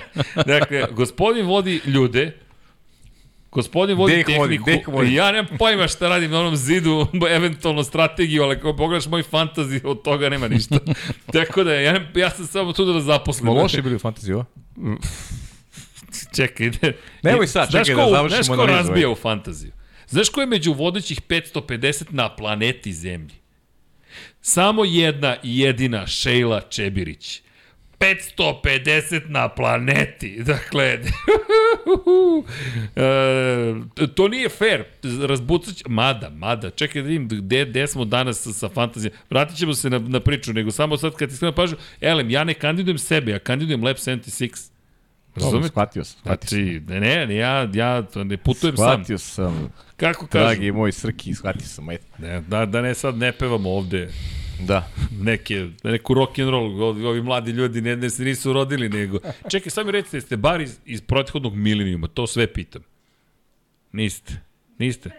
Niste. Ne, dobro. 2000 to verovatno, 2001. drugo godište, tako nešto. Moja, moja generacija. Ja, pa, znaš šta mi reče danas Srđan Petrović? Petković. ka- Petković? Kaže meni Petković, kaže, ej, slušaj, pričam sa prijateljicom koja od šeste godine gleda Formulu 1 i mnogo voli da prati sport, klub i paju i tebe. I razmišljam od šeste godine, koliko ima? Kaže 33. Rekao, čekaj sad Srđan, znači nije, nije treba što toliko dugo, razumeš? Dakle, tako da, ali polako dolazimo do stadijuma kad ljudi koji su se rodili će dobro, biti koliko? punoletni slušaju Koliko smo zajedno? Jedno 12 godina? 11, 12, 12 sezon. Elem, da se vratimo mi na ovo. Dakle, slažete se, kada bi imao svoga Riva Benea, Binotto bi bio mnogo bolji. Pa dobro sad, Ariva Benea. Nevažno je koga, nekoga ko može da se bavi ekipom, A ko će slažemo da se da, iznervira. tako je, da on, da on ne radi ove stvari koje radi. Smo se opet ne... Jostka pitao, čekaj, Porsche, nema Da tu ima nam čovjek koji će da reaguje kad neko ne ponese, ne donese gumu, razumeš? I da neko reaguje na to. A ne da se okrene i kao to je okej, pa nije okej. To je za neku reakciju, to je, to je za, to je za, za, za ludilo u trenutku. Znaš, da mu pokažeš stav da to, da mora da To bude... nije Znaš, prihvatljivo. to nije prihvatljivo i da kaže, alo, ti izađi, više nisi tu, nisi deo priče više. Si zaboravio gumu. Ideš dalje. Ja volim to da malo da se našanje, to da, znaš, sigurno nije zaboravio da dođe na kasu prvog, da uzme platu. Ali zaboravio je gumu, to, to je zaboravio. Pa ne možeš to da zaboraviš. Ako ideš na kasu, onda ideš, onda nosiš i gumu. Zaboravi gumu, zaboravi Tako je. kasu. Onda nemoj da onda zaboravi kasu, onda idi. Šta ćeš tu kad si zaboravio jedinu stvar koju treba da uradiš? Mislim, smešno.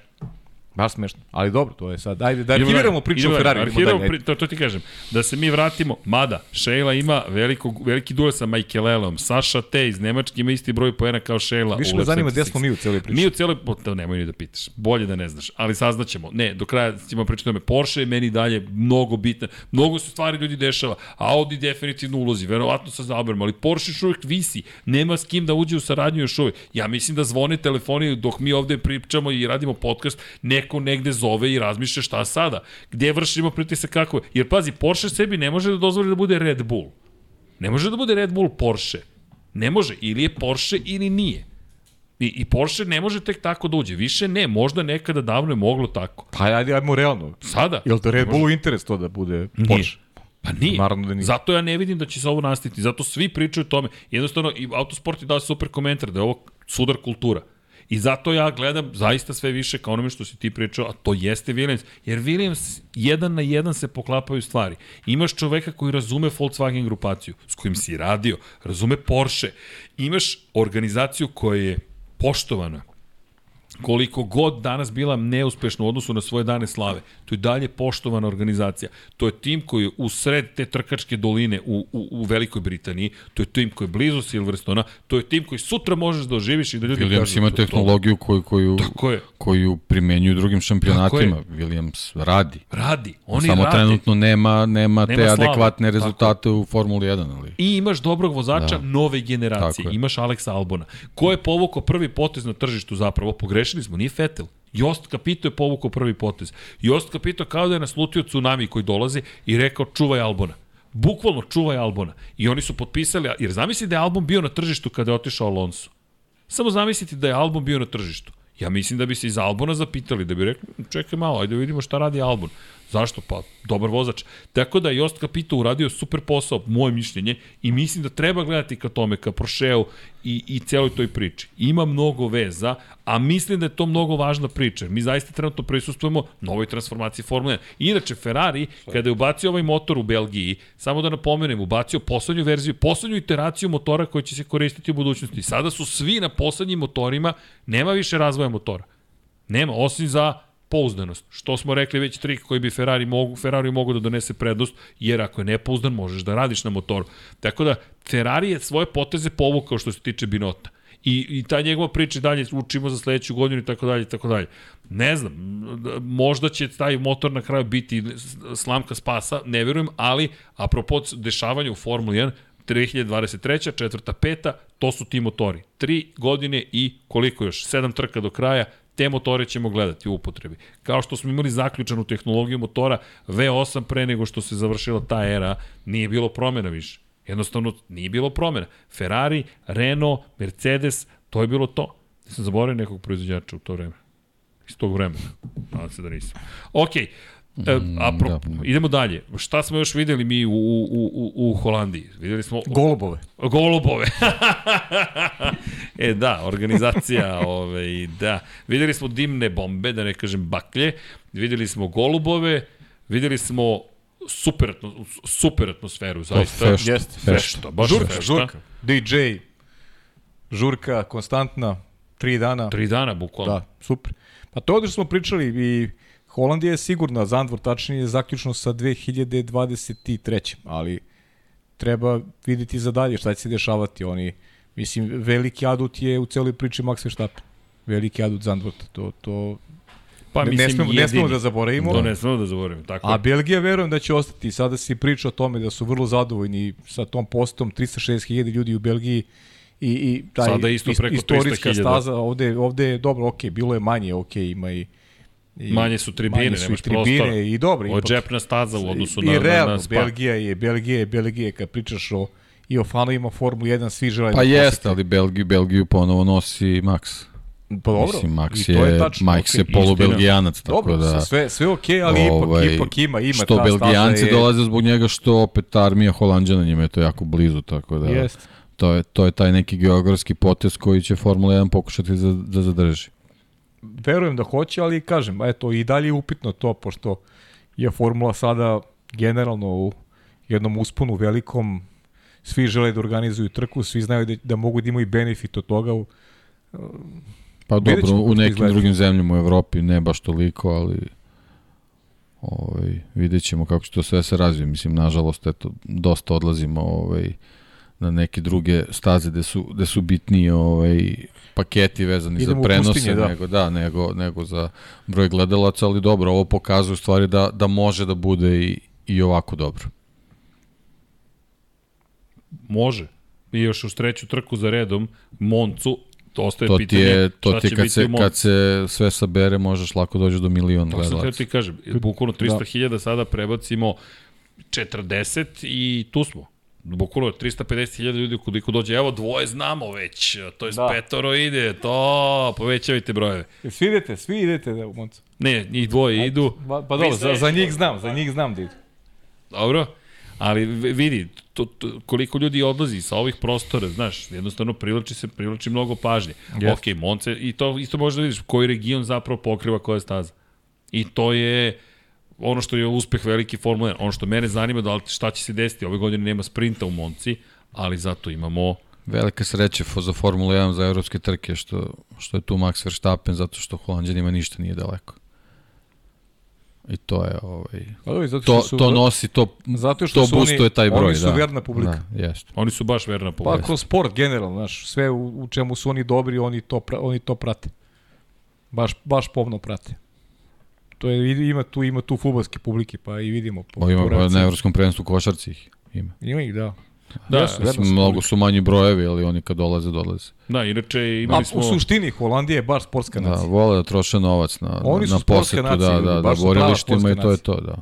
Da, znam po nekim vlasnicima lokala u Beogradu ka, koji se raduju, znam tačno nacije koje vole da pobede u određenim turnirima, bukvalno kažu kada taj ta ekipa dolazi, znam da će biti uspešan, uspešan vikend ili uspešan dan zato što dolazi ljudi koji vole da troše i imaju mogućnost da troše novac. I tačno znaš ka, po timovima ko se raduje i kažeš ok, Tako da, da, inače videli smo i zaustavljanje trke, to jest zaustavljanje treninga, da se samo dotaknemo i baklji. Imali smo dve situacije, na kraju snimljen čovjek koji, koji zapravo kažu da je radio za obezbeđenje staze, koji je bacio baklju na stazu, bizaran incident, inače je izbačen sa staze, zabranjen mu je pristup, drugoj osobi isto zabranjen pristup, je priča opet o incidentima na incidentima, dosta preuveličano za sada, mnogo ljudi je došlo i reklo ne, nikakve probleme nismo ni imali, ali da, ukoliko žavite za Maxa Verstappena, bukvalno to je mesto gde treba da odete.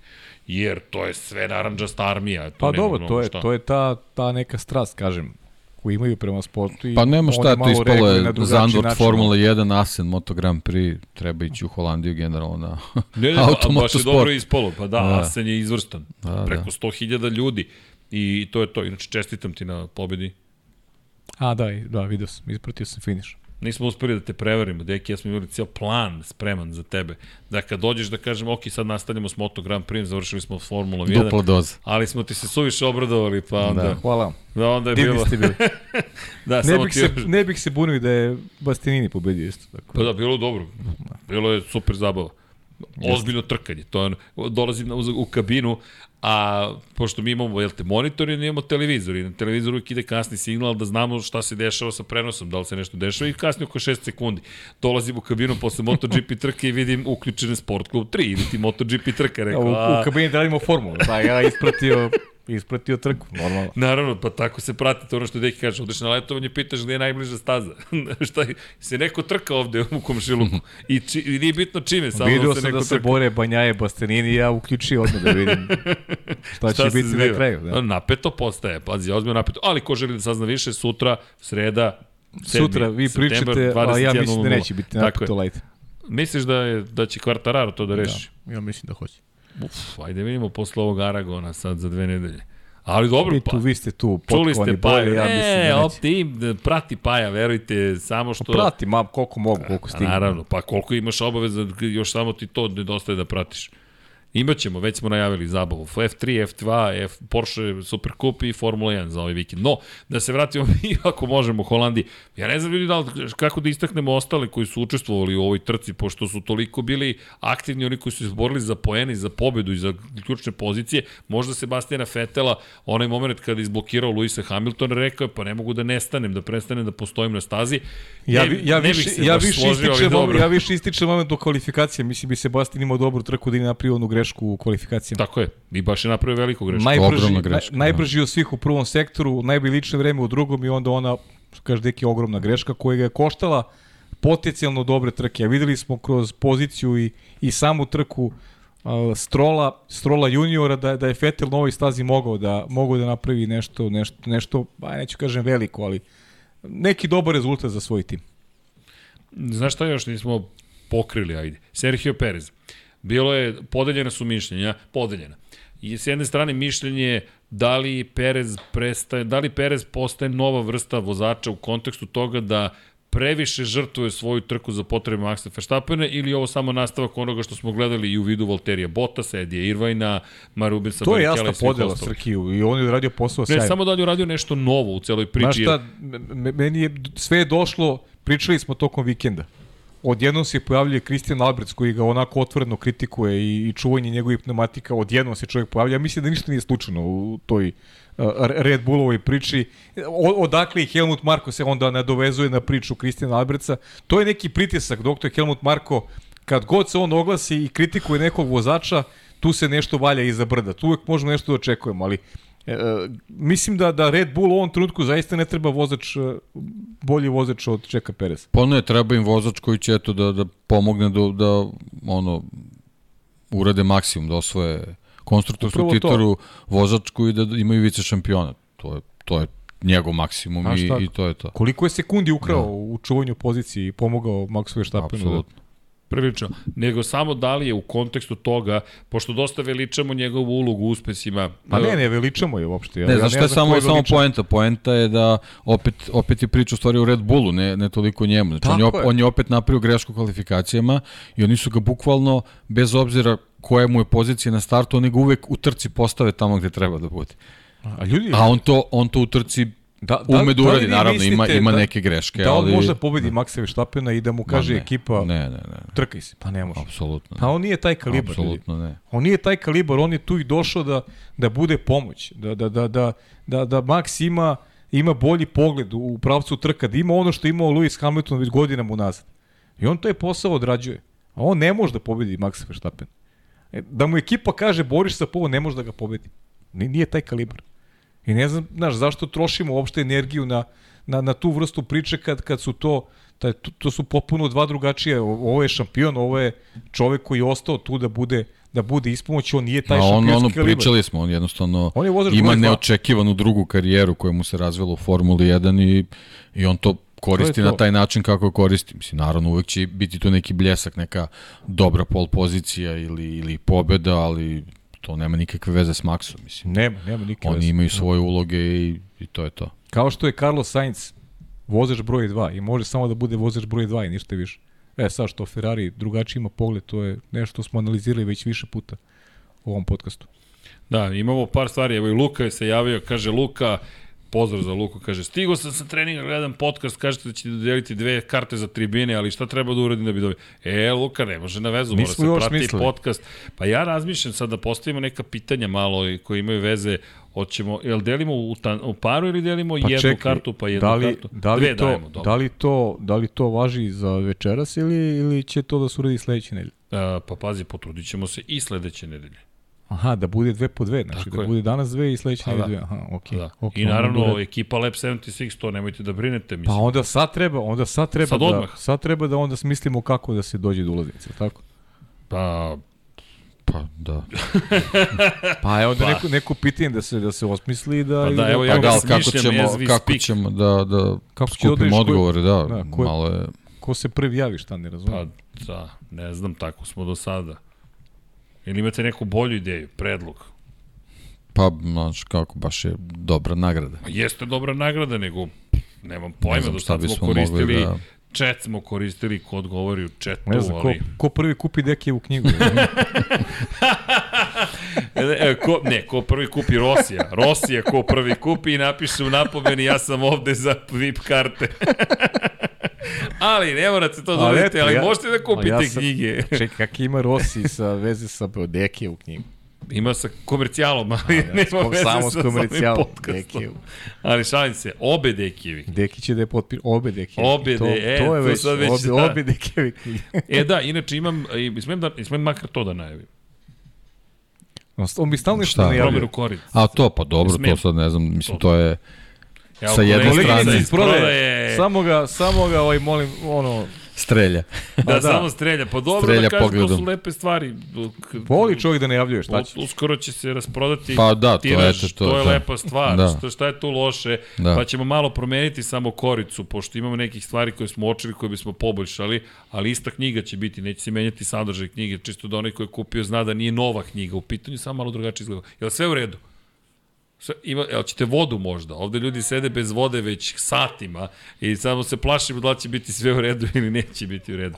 Ali, da, i deki, nema, nema, nema ničega. Opa. Ja, ja imam E, vodu. Vanja mi Imam pokazuje vodu. na sat, ka, po, požurite da završite. Evo, Vanja, nemoj da Prosto. sve ćemo da uradimo, da se sve stigne. Nego, čekaj, moramo da podelimo, Nije on pokazuje, kupio je sat. Ne, kupio je ne, sat, ne, novi ne, sat, koja ti je sat. marka u pitanju?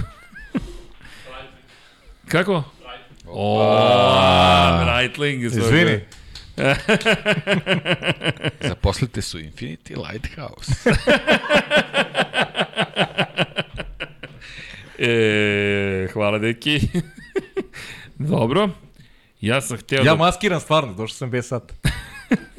Ja, hoćemo da postavimo pitanje po odgovoru u četu ko prvi bude uspeo da odgovori ili ne. Imate bolji predlog. Ja nemam bolji predlog, da je legalan, pošto igru na sreću ne smemo da organizujemo. Pa ajde, neka bude tako, zaista, da. Ljudi, evo, Ajde, postavit ću mislim, pitanje, da se- ali gledajte chat, zato što ću da napišem Da, pitanje gledajte u chat chatu. da ne bude posle da smo nekog, da se ovaj, slabije neko je čulo, protežiran, sporije da, bilo, neko je protežiran i tako itd. dalje. itd. Dakle, u chatu ću da napišem pitanje. Dakle, pitanje postavljam u chatu. E, samo da mi se učita chat, to će da potraje malo, da internet je malo, malo sporiji, ali eto, dakle, ponavljam, ko prvi odgovori na pitanje tačno, Dakle, dobije dve ulaznice za tribine, VIP ulaznice, Čekaj, kako god želite ih zovete, za jedan, Red jedan dobije dve ulaznice. Da, odmah ili- jesmo tako rekli. Pa da, da, da. Da, može, bolje, bolje. Da, u, bolje, upa. Da biste dobili, morate da kliknete subscribe. Šalim se, ne može niko u chatu da bude ko nije subscriber, tako da... Ali morate 7 dana da budete subscriber zbog chat botova, tako da... To vam je malo, da, Si smislio problematično. pitanje ili šta? Jesam, jesam, smislio sam. Smislio si već, Smislio sam, kako nisam. Razmišljao sam ja, pa ja sa iskustva sa kvizovima. O, izvini. Aha, pa da. Čekaj, samo da uđem u. I mi ne smemo da učestvujemo, jel da? Ne, ne, pa evo, ja sam, vi ne ja smete sam, da učestvujete. ja sam telefon stavio sa strane. Evo ja ću. Da ne bude da, da sam Evo, pišem na pitanje. A jednostavno. Svi drže telefone. Ne, Jednostavno pitanje. A, aha, neće ga pročitaš, nego, nego pišeš, dobro. Okej. da, evo. Deki ja ne moramo znamo što. Evo, pitaju da li meni radi chat i tako dalje. Nusmir te pita, ti to poklon od šefa, Vanja? Nije, po ne, ne, ne, ne, ne, ne. Evo, postavljam pitanje. Chat disconnected. dakle, ne mogu da verujem da se chat disconnectovao. Dobro. Ajde da probamo da se povežemo na telefon. E, e, evo, možeš, evo, šaljem ti Vanja, pa postavi, da ne bi bilo da je negde štucnulo nešto. E, čekaj. Evo. Deki, je li ovo u redu? Ja mislim da je to skroz u redu pitanje. Jesi postavio, Vanja? Dovoljno teško, ajde da tako, Dovoljno je, da tako teško, kažem, lako, kako do. Da. Mogu ja da vidim? Mogu ja da vidim pitanje? Evo i pinovana je čak poruka. Ajmo. O, Viktor Božinovski, kojom brzinom je odgovorio? Fu! David Coulthard, tako je. David Coulthard je prvi vozač koji je osvojio poene za Red Bull Racing. Uh, wow, koja je ovo brzina bila, dakle, svaka čast, ću, Viktor Božinovski, ne znam, ka, još je etovo Infinity Lighthouse, svaka A nije, čast. a nije zaboravio gumu. A nije Svi, zaboravio. koja Da, da, inače to je bilo namjerno malo trik pitanje, mada je trebalo drugačije. Ko je bio drugi vozač koji je osvojio? Ko je bio drugi vozač koji je osvojio po kasno, ne, ne, okej, ne, ne, ne, okej. u redu Ne, nemoj da to Okej. bude sutra pitanje. Neće, to, neće, da. neće, neće. Jel sutra da ili neće. kad? Sutra je još dve karte ili, ili Ne, ne, ne, sledećeg ne, ne, utorka? u sledećeg utorka još dve, još dve ulaznice ćemo da Okej. obezbedimo. To je već kad je zagrejana atmosfera. Da, Hoće da bude već ono... da, ne, ne, David Coulthard koji je bio četvrti u Australiji na prvoj trci pod Red Bull Racing uh, zapravo obeleži me. Pa lako ti pitanje za ove, za ove fanove Red Bulla kojih ima sada mnogo. to Pa ono što smo zato pričali. i mislim da treba Red Bullovi, A, da dobro. ne, da ne pitam za Ferrari koji je osvojio prvu titulu Tako, za Ferrari. upravo si, dobro. Pravo. Mada, ako postavim pitanje ko je prvi, ko je poslednji osvojio titulu za Ferrari, to je isto lako pitanje. Lako. Da, ste Lako. svesni da je Kimi Raikkonen još uvek poslednji šampion. Danas mi kole, drugar Marko koji navija za Ferrari piše još uvek. 15 godina kasnije Kimi Raikkonen i dalje stoji kao Ja poslednji sećam kad su šampion ljudi Ferrari. govorili, govorili, svi sećate, u stvari, ili vi znate da je Jody Scheckter poslednji Da. šampion Ferrari? Da, da, da, da, To je davno to, bilo, to je da. davno bilo, da. Ali, Pre Schumachera, E, ljudi, ali imamo par stvari još, samo par stvari. da čujem. I moramo da odvezemo krug, da se odjavimo, da pomognemo Vanji da namesti studio, da pročitamo pa... Uuu, koliko stvari. Uh, fantasy i tako dalje. Šta pravi Vanja, kako studiju? Uh, Luka i Kuzma mu dolaze u goste. Večeras? 23.59. A, oni su kraljevi. pa ajmo, ajmo srđane. Oni su- Ajde. Ajmo, ne, ajmo, ne, ajmo. ajmo. kažem, ubrzamo, Ajmo. ubrzamo. Evo, Ajde, Deki je već ajmo. krenuo u akciju. Uh, par stvari. Max Verstappen. Postavlja rekord po broju titu, po, pobjeda u sezoni ili ne? Postavlja. Postavlja. Neću da kažem da ne bude posle, da, da sam ja nešto postavlja. Po, postavlja. Ajde. Ok, samo pitam, pošto to nije sad već ulazimo u zonu kada to postavljamo. I u, na kojoj trci osvaja titulu? Moja mala sad je u Japanu. Tako je, u Japanu Hondini čelnici sede u prozorčetu na Suzuki i kažu, jesmo mi ono beše napustili to, ovaj to, je, je realno, da. To smo pričali, u stvari, Bukvalno. gledali smo zajedno u kabini, to ti si rekao, ali slažem se, u pravu si. To je, Japan. to je tačno, tačno, Japan. Ovaj, Japan je, Japan je Jer, ta, ta staza. To je ta staza, to je za tri trke. Italija, Singapur Jeste. mislim da je previše da bi otišao toliko daleko, Jeste. ali Japan, ja mislim, tačno na Hondinoj stazi kaže, e, ovo nije sa Hondom, ovo je sa Red Bull Power Trainom osvojena titula. To, to ne bih dalje uh, dužio što se tiče ovog dijela priče. Samo par stvari što se tiče Formule 2, da pohvalimo Filipa Drugovića. Pol pozicija Filipe, u pre- Zandvortu, Pre ljudi, titulu, pobeda. manje više Monca je mesto gde može da postane prvog. Ja bih malo i da prvog. kritikujem Filip, ovog, Teja Pušera, takođe. drugu trku za redom. Pa, Pa da. druga trka za redom, ono, praktično ono, Mnogo- par, par bodova, to Mnogo ne bolje. može tako, da. Mnogo brljevi, ne može, ne može Da. tako. To, to što kaže Deki, ne može tako. Filipe Drugović, ljudi, samo dve trke nije izvršio poenima. Cele I. I rekao je da, da mu je cilj da pokuša da pronađe mesto u Formuli 1 da bi bio rezervni vozač ili test vozač, da je to njegov sledeći cilj. Da. Ja mu držim onako fige da, ja isto, da to zaista, uspe i, vol, zaista, i volio bi da zbog svega, Tako je. na Zbog cele koji način, tako priče, je, tako da, je. sve, sve, sve u paketu. koji ima armiju ljudi oko Ma, sebe, da, Teo a, Puršer je projekat. da, da, da. A Filipe Drugović je tatina briga i on je uložio sredstva, a momak je zaista sjajan. U svakom pogledu. I što da Za mi- respekt šta je uradio tokom cele godine. Baš onako za ozbiljni respekt. Jeste. I mnogi mu zameraju da, da, kao, da, da nije dovoljno agresivan. Ne. Ne, On agresivan je, neka treba. ta, tačno tako. On je osvojio pol poziciju u Belgiji, on je Tako osvojio pol poziciju u Zandvortu. Tačka, kraj priče. U Da. momentu kada koja, su se koja posle- agresivnost još treba? Pa šta da- Ne, treba ne, da ne razumem. U Formuli 2 Da. da imaju On sebi ne može da priušti luksus, to smo u početku sezone Tako pričali. je. On ne može da priušti luksus da bude agresivan u trci, da, Da bude kamikaze. ne daj Bože slupa Tako. bolid koji njegov otac treba da plati. Jeste, to se Jeste, jednostavno, on, bukvalno. Ma, mislim, to nije, to priča. nije bila opcija i on je to onako na, na, na, na, na, na, svoj, na svoju pamet praktično odradio čitavu sezonu. Pritom, brate, pažnju na, na razlike u, u, u vremenima za, za pol poziciju. Ne, I u Belgiji i u Zandvortu. On ih je pojeo. Oduvao konkurenciju. Bukvalno ih je pojeo. A, da. I fokus je bio na glavnoj trci, ali taj jedan brzi krug, ako to nije rizik, ako to nije šampion, ne znam šta je.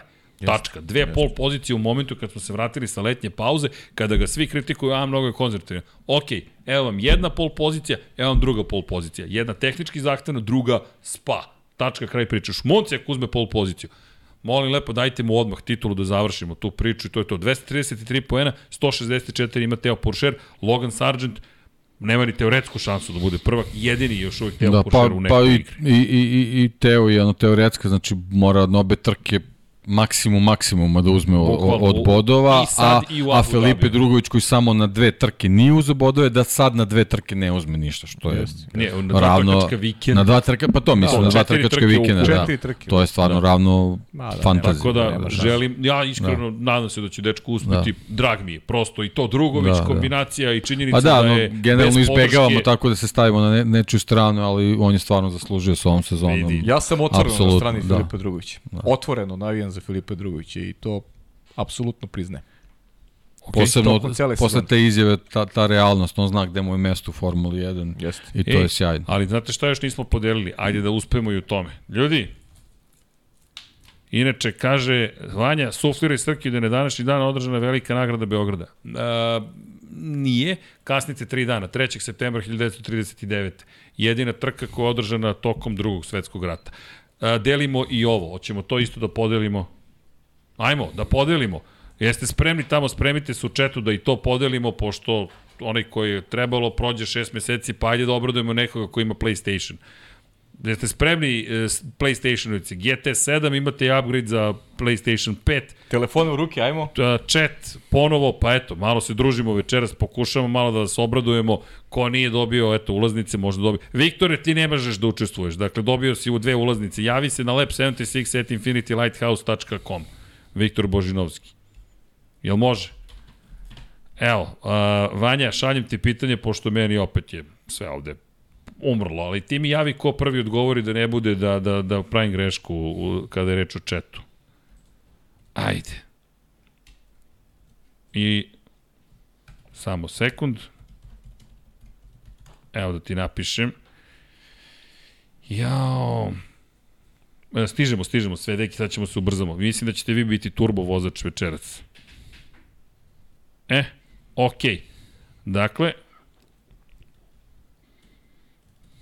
mm, e, koleginici iz prodaje mi kaže, Nemanja, Nemanja Nikoliću, srećan ti rođendan. Evo, dobili smo, pozdravi Jelenu Radić. Dakle, e, piše devojka i kaže, izvinite, ali moram da zamolim, ispunjavamo želje večeras, srećan ti rođendan Nikola. Njih dvojice neće pevati zato što ja bolje pe. Šalim se, ali da iskoristim ja priliku dok ubrzavam stvari i da ti čestitamo zaista rođendan. Eto, a, a ovo je...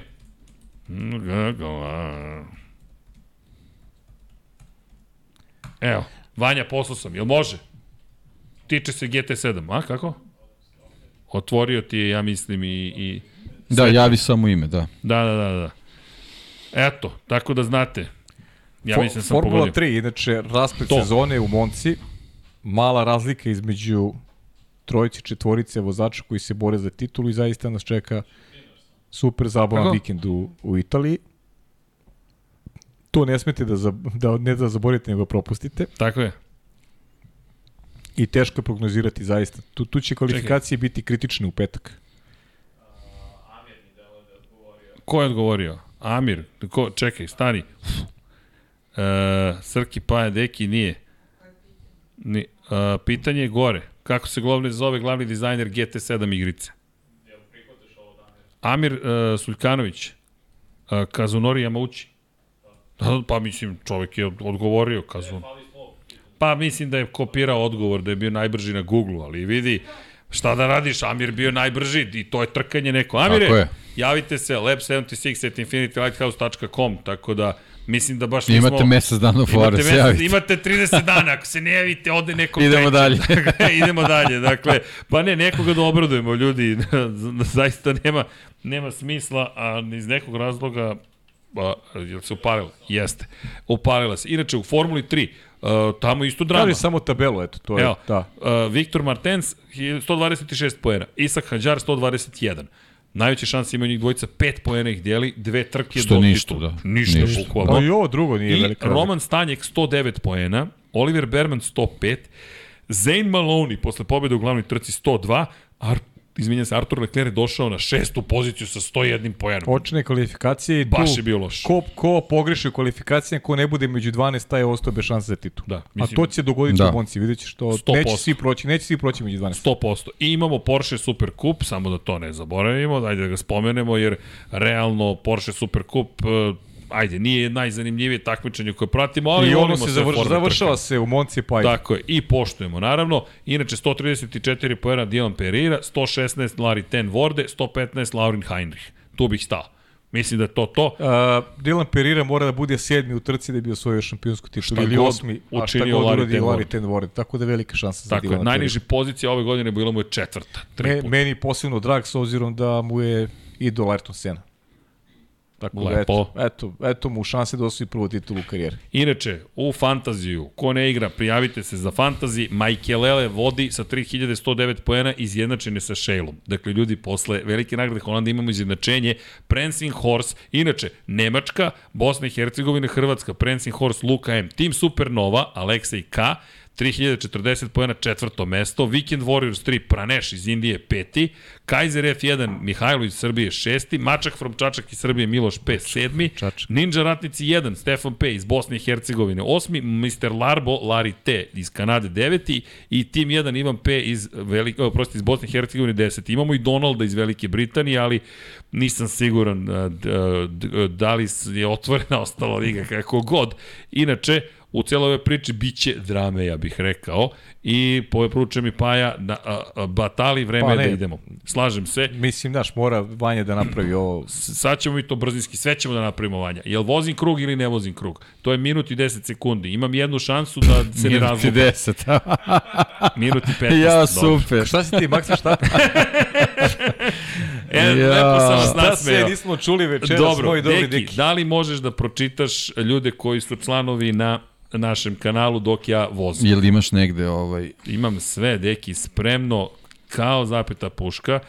A sad ćemo ovako, ima i novih članova, ko želi da se učlani, dobro nam došli, bit će to zabavno kao što smo rekli, ono što uvodimo za Patreone, inače da odgovorimo i Mariju Vidoviću koji kaže da mišljenje da Luis nije bio agresivan u komunikaciji prema Mercedesu, da mu daju soft gume jer je to navika i poverenje. Tako su zajedno osvajali titule i često se dešavalo da Luis nešto želi, ekipa kaže ne i on ih posluša i na kraju pobede. Tako da je to pitanje i poverenja koje Ima postoji između Mercedesa i Luisa Hamiltona. Ja se slažem, ja se slažem. Zaista Vidio sam dobra to, tu poruku od. Marije. Da, da ne zaboravimo. Deki, uh, ovo su ti svi ljudi koji su nam Patreoni. Kada dođeš do dna, znaš sa dva Aha, prsta aha, scroll, dobro. Pa a, nešto ću da- Klikneš dva, možeš i na strelice, a ja ću da snaći. A odvezem. Čekaj, bolje da sedem tu, a? Aj, sedi tu, ajde, to je pametno. Ajde, ajde. Pametno, Samo Samo da- da, da- Deki. Imaš to i imaš ovde, evo da vidiš, ova dva, poslednja taba. Ako Ovo ostalo, sad se mi skomplikovalo, Ne, dobro, ne, ne. nešto ćemo se snaći. Ovo su ti članovi na YouTube. Ajmo, brzinski i posle ekipa spaja Teo studio, pretvara u studio za Luku i Kuzmu. Jer ovo je... Ovi ljudi koji su došli, oni ne znaju da studio. su došli da rade nešto, a ne da... E, da, vi ste volonteri. Jeste zabavljate? Ne, to, to je najvažnije. Nadam se da ste E. nešto i mudro. Je se čujemo? Samo da vidim kako mi je Da- rekao da li se ovde. čujemo? Da li se čujemo? Da li A, se čujemo? da, snašao sam se. Bez muzike ćemo, je li tako? Ja samo... Ček samo da krene, evo, 3, 2, 1, smo krenuli.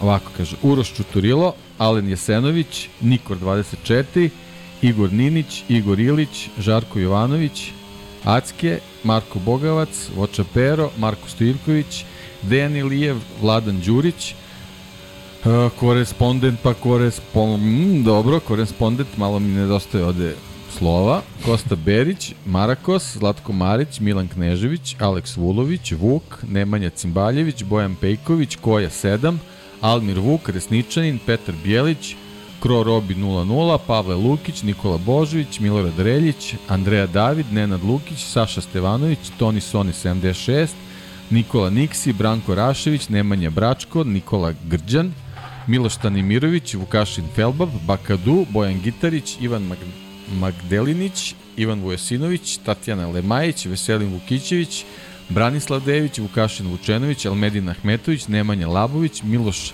Z.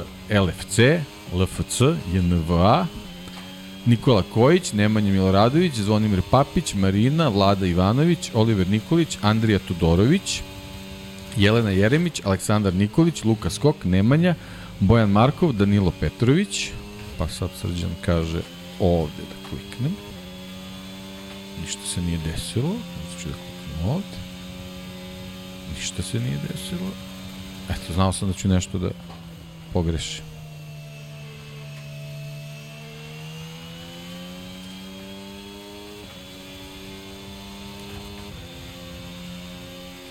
Samo da vidim.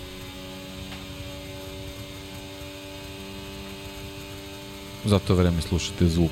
Макс Срджена вози. Макс вози. Да.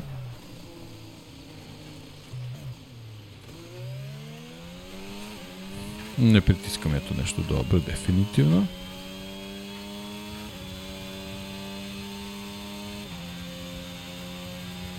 Или съм предишно чакал? Не съм, аз съм читал.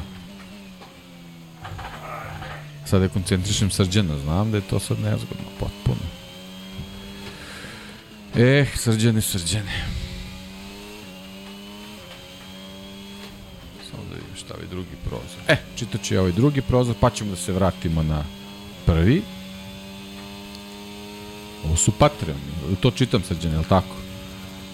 Matej Sopta, Gloria Edson, Igor Jankovski, Saša Ranisavljević, Nikola Milosavljević, Marko Kozić, Smele, Marko Petrekanović, Srđan Sivić, Mila Napro, Brani, Branimir Rijavec, Nemanja, Jasmina Pešić, Matija Rajić, Zoran Cimeša, Danijela Ilić, Đole Žena mi zna, Andreja Miladinović, Borislav Jovanović, Miloš Radosaljević LFC, Crnogorski džedaj, Grgo Živaljić, Vlada Ivanović, Jugoslav Krasnić, Nenad Pantelić, Andrija Branko, Andreja Branković, Nebojša Živanović, Ivan Rečević, Andrej Bicok, Veselin Vukićević, Dimitrije Mišić, Ivan Ciger, Safet Isljami, Boris Erceg, Vranislav Kovačević, Depres Kodi Garban Fan, Fan, Aleksandar Jurić, Vladimir Filipović, Vladimir Petković, Đorđe Đukić, Pavle Nj, Miloš Todorov, Emir Mesić, Andrija Todorović, Ertan Prelić, Alen, Bojan Markov, Bahter Abdurmanov, Darko Trajković, Dejan Đokić,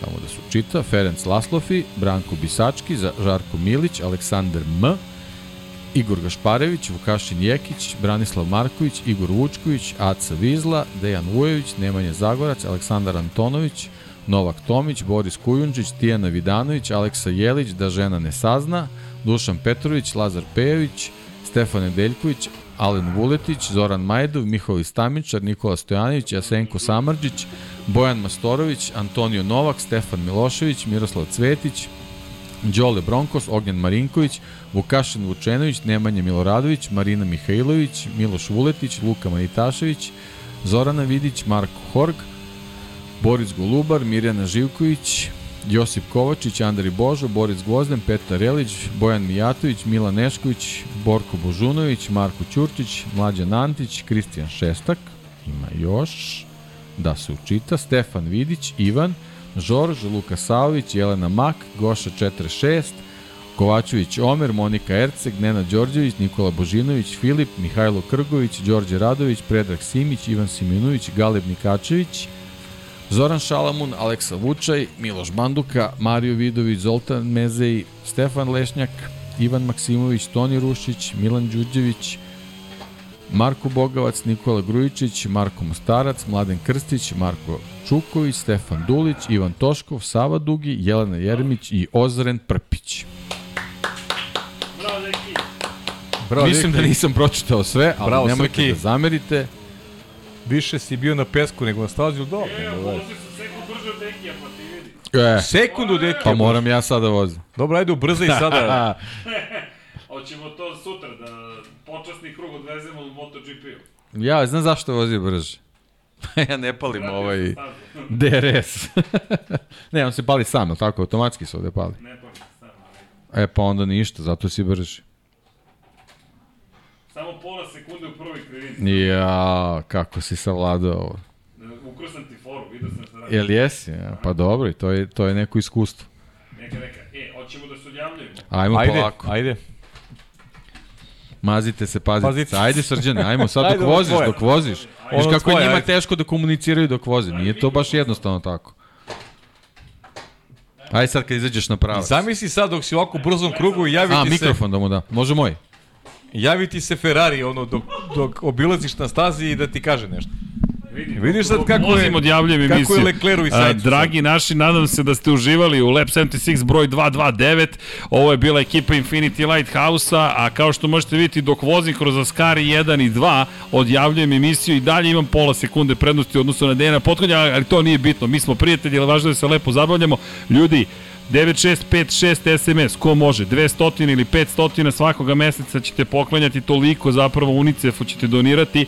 Mi smo ušli u kampanju zajedno sa njima i pomažemo, jel te, svaki, da kažemo, cilj koji možemo da podržimo, ali nije bitno kome ćete da pomognete u životu, bitno je da sam ja, Ja. postavio 1.25.338 dok sam ovo radio i dame i gospodo, to je novi rekord kuće Infinity Lighthouse. I šta ide I sada? Šta ide sada? Idu Luka i Kuzma koji su upravo tu, izbacit će nas na glavačke I šta još odavde. ide? Šta još ide? Ćao svima. Ćao svima. Ćao svima. Ćao svima, ćao.